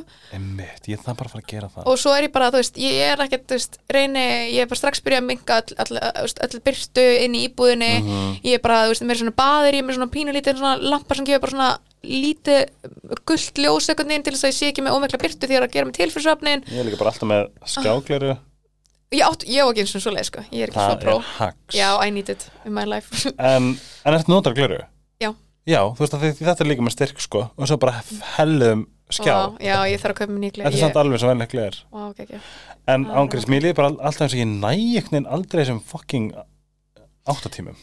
Já, en sjö er alltaf sjö, það er talað um sjö til níu, sko. Ég held sko að ég sé nýju nei, ég getur reyndar ekki nýju Ég sé um helgar að vakna ég bara alltaf eftir. Af Því að svo krassa ég Ég sé alltaf og eins og daginn, bara feitt krassa ég. Já, Þá er ég svo sko 11 og var að Vá. sofna í sófanum til klukkan 9 og var bara, gat ekki klukkan 11 Nei, 11 tíma. 11 tíma, Ég var bara gjössalega buga Já, en það er, samt, ég var líka alveg það, ef þú ert búin að eiga til dæmis, eh, eftir, eftir sorgina, núna eftir hann dó, Mhm. sko, þá svaf ég bara í 12 tíma í, sko, En það er svo magnað þegar sorgin sérst í líkamann. Já, Hún, Hann er bara búin að því. Já, það var bara slis Vinkon mér sagði mér, hún reynd, það tengdist henni að vísu ástasorg en þetta er ástasorg uh, maður á að koma fram með líkamann sinn eins og bíl hafi klest á hann. Mm, að þetta situr bara í Mhm. líkamann maður heldur að þetta sé bara eitthvað svona smá illt í hjartanu og haustnum Já. en oh my god, nei, það er allt. Líkamann er bara, oh my god, mayday, mayday. Ég líka bara, ég var greint með vanvirkan skjaldkirtil núna fyrir tveimur vikum, fekk það bara allt í einu pósti frá læknunum, þú veist, ég bara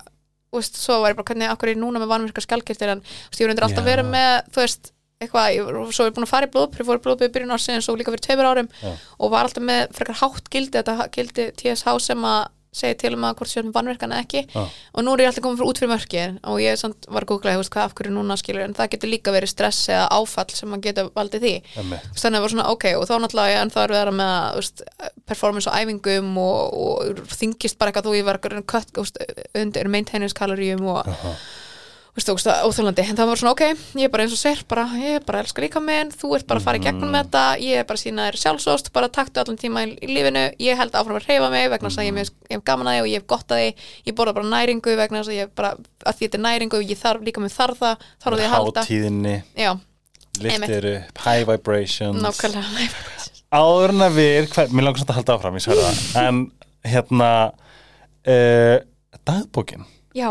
uh, segðu mér, segðu mér allt síndu mér Já. Ég er semst að gefa út dagbúk sem að koma prenta núna á morgun ok, en býtu hvað, hvar hvar byrjaði það? Eh. Ertu dagbókar Nei, ok, ég skal ofurperri? Nei, Já og nei, ég er, ok, ég með ADHD, ég gef samlega út um allt og ég, ef ég skrif ekki niður hlutina þá gleymi ég þeim. Já. Þó ég skrifi niður hlutina þá gleymi ég ekki á það já. Mhm. Þess Og- vegna á ég ekki dagbók Nei, en ég samt, það hjálpaði mér mjög, svo bara allt í einu, hérna, byrjaði Varstu ég, obsessed af dagbókum? Já. Einmitt, þegar maður fæði svona obsession já, en það er líka bara ekki, að því, veist, núna allt í bara byrja ég að, sko, líta á dagbók öðruvís, ekki bara svona, þú veist, eins og, mér finnst alltaf íslensku dagbókunar, Kendi mér Já, íslensku dagbókunar eru allar bara svona skrifa bara hvað er að gerast í dag, bara klukkan tíu eða bara svona meetings, en fyrir Aha. mér er dagbók skilur að þú sérst að skrifa niður eins og hugsanniðinar, Aha. hvernig var dagurðin hvað ertu að standa þig gagvart venjóniðinum skilur sem þú vilt eða markmiðinum sem að þú veist Ú, og, bara og þakklæti og svona þú veist þannig að í rauninni er, bókin er skilur byrja til dæmis líka á því að þú er- er- það er oft verið einhvern veginn að predika maður að setja sér markmið og, og ná þau Já, já og bara vera alveg hérna.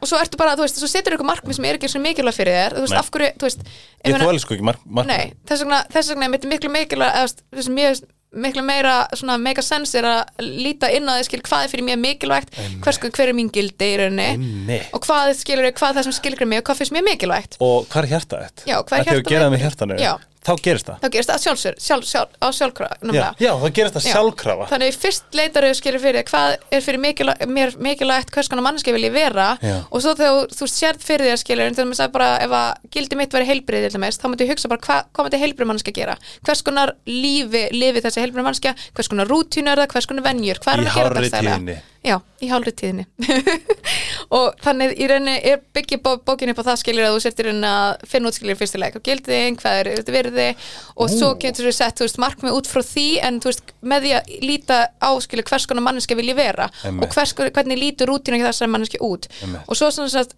þú veist, ef það er rauninni planar þú veist, fyrst er bara svona mánaðaplan þar sem þú plana ma mánuðin, setur fyrir markmið líka Já. og, í lok, og svo kemur sko vikuplan hvað finnst þér vera gott markmið til dæmis? gott markmið Já, skilur, hva, hvernig, hvernig þú veist að því að mér, ég upplifum þess að þegar, þú veist, hvað er þetta, uh, mánur hann, meistaramánur, Já, þá fyrir ég anstæðina. Já. Þú veist, ég, þú veist, markmið, Nei, ég, ég veist engin markmið sko, skipta máli. En svo, mark, markmið er bara eitthvað þú veist, markmið skipta ekki máli nema og þú setlir strax að setja eitthvað annað markmið sem er byggt á þessu markmið Já. þú veist, að því að því rauninni gildin og venjuna skipta miklu meira máli vegna þess að eins og til að segja, heilbrið manneskja eða, eða þú veist, eða, til dæmis, ef að markmið var alltaf 100 kíló, að hlaupa 100 kilometra þú veist, manneskja sem er hlaupari ef að Já. gildið mitt væri heilbrið og ég væri hlaupari og venjan mín er að fara venjulega að hlaupa Einmitt. þá er þetta markmið ekkert mál, þá gerist þetta bara sjálfkrafa nákvæmlega, þannig að þú þarft ekki að pæla í þessum markmiðum en einhver tussi eins og ég, sem er bara svona, mér er kalt í hleyp, Í- Já, ég er eitthvað að gera. Eða ef, þú- einmitt, ef þú getur að sett bara setti markmið en ef þú ætlar ekki að breyta þér í manneskjuna sem að myndi Ah. automatically uppfylla þessi markmið þá er ekkert að fara að gerast Einmitt. Þú veist, fólk byrjar ofta á hinum endanum segir ég ætla að hlaupa 100 km og svo reynir það einhvern veginn að, búa til eitthvað venjur út frá því til, og, og ætlast til þess að þá breytistu í manneskjuna í að allt í hennu verði gildið þitt þú veist, hlaupari. Þú ert basically að endur prógrama hugtakið markmið, Já, þú veist, þú ert að breyta, þú ert að byrja að vill sem megin á endanum, þú byrjar að setja markmið skilur, þú ert að, fara hinn þú ert að fara hinn áttuna, byrja að skoða inn að hvað ég ætla fyrst að verða þessi manneskja og þá gerist þessi markmið á, á, ásörátt Það er rétt. það er rétt, Þegar þú segir þetta svona, að því ég hef alltaf hugsað mitt svona uh, markmið, það er eitthvað svona ég ætla að hlaupa, engin hlaupar ég ætla að hlaupa 100 km að því ég fekk hugmyndina. Já. hvað er það að gera? Þú ert ekki að gera Nei, en ef þú setur markmið í takt við gildin þín Mhm. og í takt við manneskina sem þú ert akkurat núna já, þá gerist það automatist. Nákvæmlega. Að það sé því bara þú ert að oh my god, byrju, byrju, þú ert að um, ú, þú ert að hérna þú ert þess að planta Mhm. og þú ert bara stækka smá þess að þú setur vatn. Mm -hmm, Já Er Og- það ekki? jú, er ekki bara markmiðið bara, og, og bara, jú, og svo bara sem setur upp og er vatnið bara, og svo er bara smá vatn og smá vatn og skilgruninu hversu mikið vatn þú vilt. Og svo er henni í staðan fyrir að planta sem ætlar að kaktus. Já, eða ílgrössi eða illgrissi eða þú veist, þetta er rauninni snýst allt um í rauninni hvernig, hvers konar venjum, hvernig vilt þú í rauninni lífið sé. Og svo er ég líka með svona alveg svona þú veist, leiðbeiningar skilja hvernig getur komið inn góðum venjum, hvernig komið út slæmi venjum, þú veist, bara með því að þú veist, gera auðveldara og og hvar fær maður svona? hún verður seld, hún verður seld núna í hagkaup og hún verður seld í flestum bókabúðum og okay. var forsalun á kronik.is það er svona útgáfan sem með þetta kronika Krónik. Hún kemur líka í hrím hún kemur, pff, nú er ég svolítið glötu, hef ekki búin að Nei, undirbúið mig hún kemur alltaf í flesta bókabúður og hagkaup Það er nóg, ég meina Já. hagköp er solid. Já, En spennandi. Já, Jólugjöfin í ár. Já. Ég vil meina að þetta sé í dagbókin sem jólugjöfi ár og skart frá 104 já, og Sítokер og hjá Dominos Og og. Vetratennan hjá Ice Herbs ef þið spyrir mig. Oh my god, Katrín, þú þarf helst bara að koma ég þarf bara að vera fyrsti destination í hvers getur sem hún lendur í Takk fyrir mig. Bara takk fyrir mig, þetta var geggjað og við segjum takk fyrir okkur Dagbókin heitir hvað? Dagbókin Dagbókin með stóri vegna svo- ég, ég kalla alltaf bara dagbókina Dagbókina minna, þannig ég er bara eitthvað En það er líka svolítið gott statement Dagbókin. Dagbókin já The only fucking diary you'll Já. ever need bara ég alltaf er að skrifa dagbókina dagbókin minn. Þess að þú gerir ennsku The only diary you'll ever need Já. Já, bara ef þú ert ekki að followa inn, er það þá Snapchat? Uh, já, af og til, en samt voða lítið. Það er bara stundum ef ég sko teku vídjón þar til þess að posta ég á Instagram vegna að þú sko, snart og þú seifar að vídeo þá er það ein mínúta vídeo en ef þú seifar á snart, nei á Instagram Ah. þá er það fjögur 15 sekundar vídeo þannig að það er svolítið pyrrandi, þannig að stundum ef ég er að upplóta setna, þá tek ég vídeonin á Snapchat og upplóta það bara Snapchat til einu skilur og svo set ég það á Instagram setna Cool. en ég er rosa lítið að svara skil, eða veist, þetta var bara ótrúlega mikið. Ég var að alveg sinna báðum miðlunum endalaust 100% en núna er ég semst bara uh, já, líka því að stjúpa minn Rúnar er, er, er, bara á Snapchat, þá fyrir ég alltaf að setja líka og þá svo getið séð þar. Einmitt, allt fjölskyldu krútti Já. okkar er á Snapchat. En þú ert ekki að follow hann kætanetu þá mæli ég með því að því að vákaði mikið fíl gott að follow þig. Hei, takk fyrir það, sömulegis Gangið vel í uh, býtunum við þryggja og hálfstaga geðvikinni. Mm -hmm. Mundu að sofa eins mikið og þú getur. ég er að mæta klukkan 6 í fyrirmælega á æfingu klukkan 7.30 á 100 11 í annan podcast Hættu. Oh my god. Ok, ég segi bara go crazy Já. og sofa nóg. já, alltaf Katrín, takk fyrir mig, þú ert eins geggjuð og ég vissi að það værir Æ, og rúmlega það. takk fyrir það, og sömulegis Sjáumst næst í helgarspjallinu, einhvern tíman uh, þegar þú ert aftur á landi já, klálega og Seed og Care, Dominos, Ice Herbs, takk. Bombið ykkur í vetartvennu og komist vel gegnum veturinn hjá Ice Herbs. Pantiði ljúfenga Cajun Combo pizzu með pizzusósu eða þið viljið fá bestu meðmæli ever og eða viljið passa vel på húðina í þessum gnýstandi kulda sem er að ríða yfir okkur þá mælið með sítokjör.is skoðið Black Friday tilbúin og noti uh, afstáttakóðan helgarsvöldum, mér líður sér að gleyma ykkur en ef við erum að gleyma ykkur þá veist ég afssonar en ég ætla að segja bye en við sem bye saman tíma. 1, 2, bye, Bye.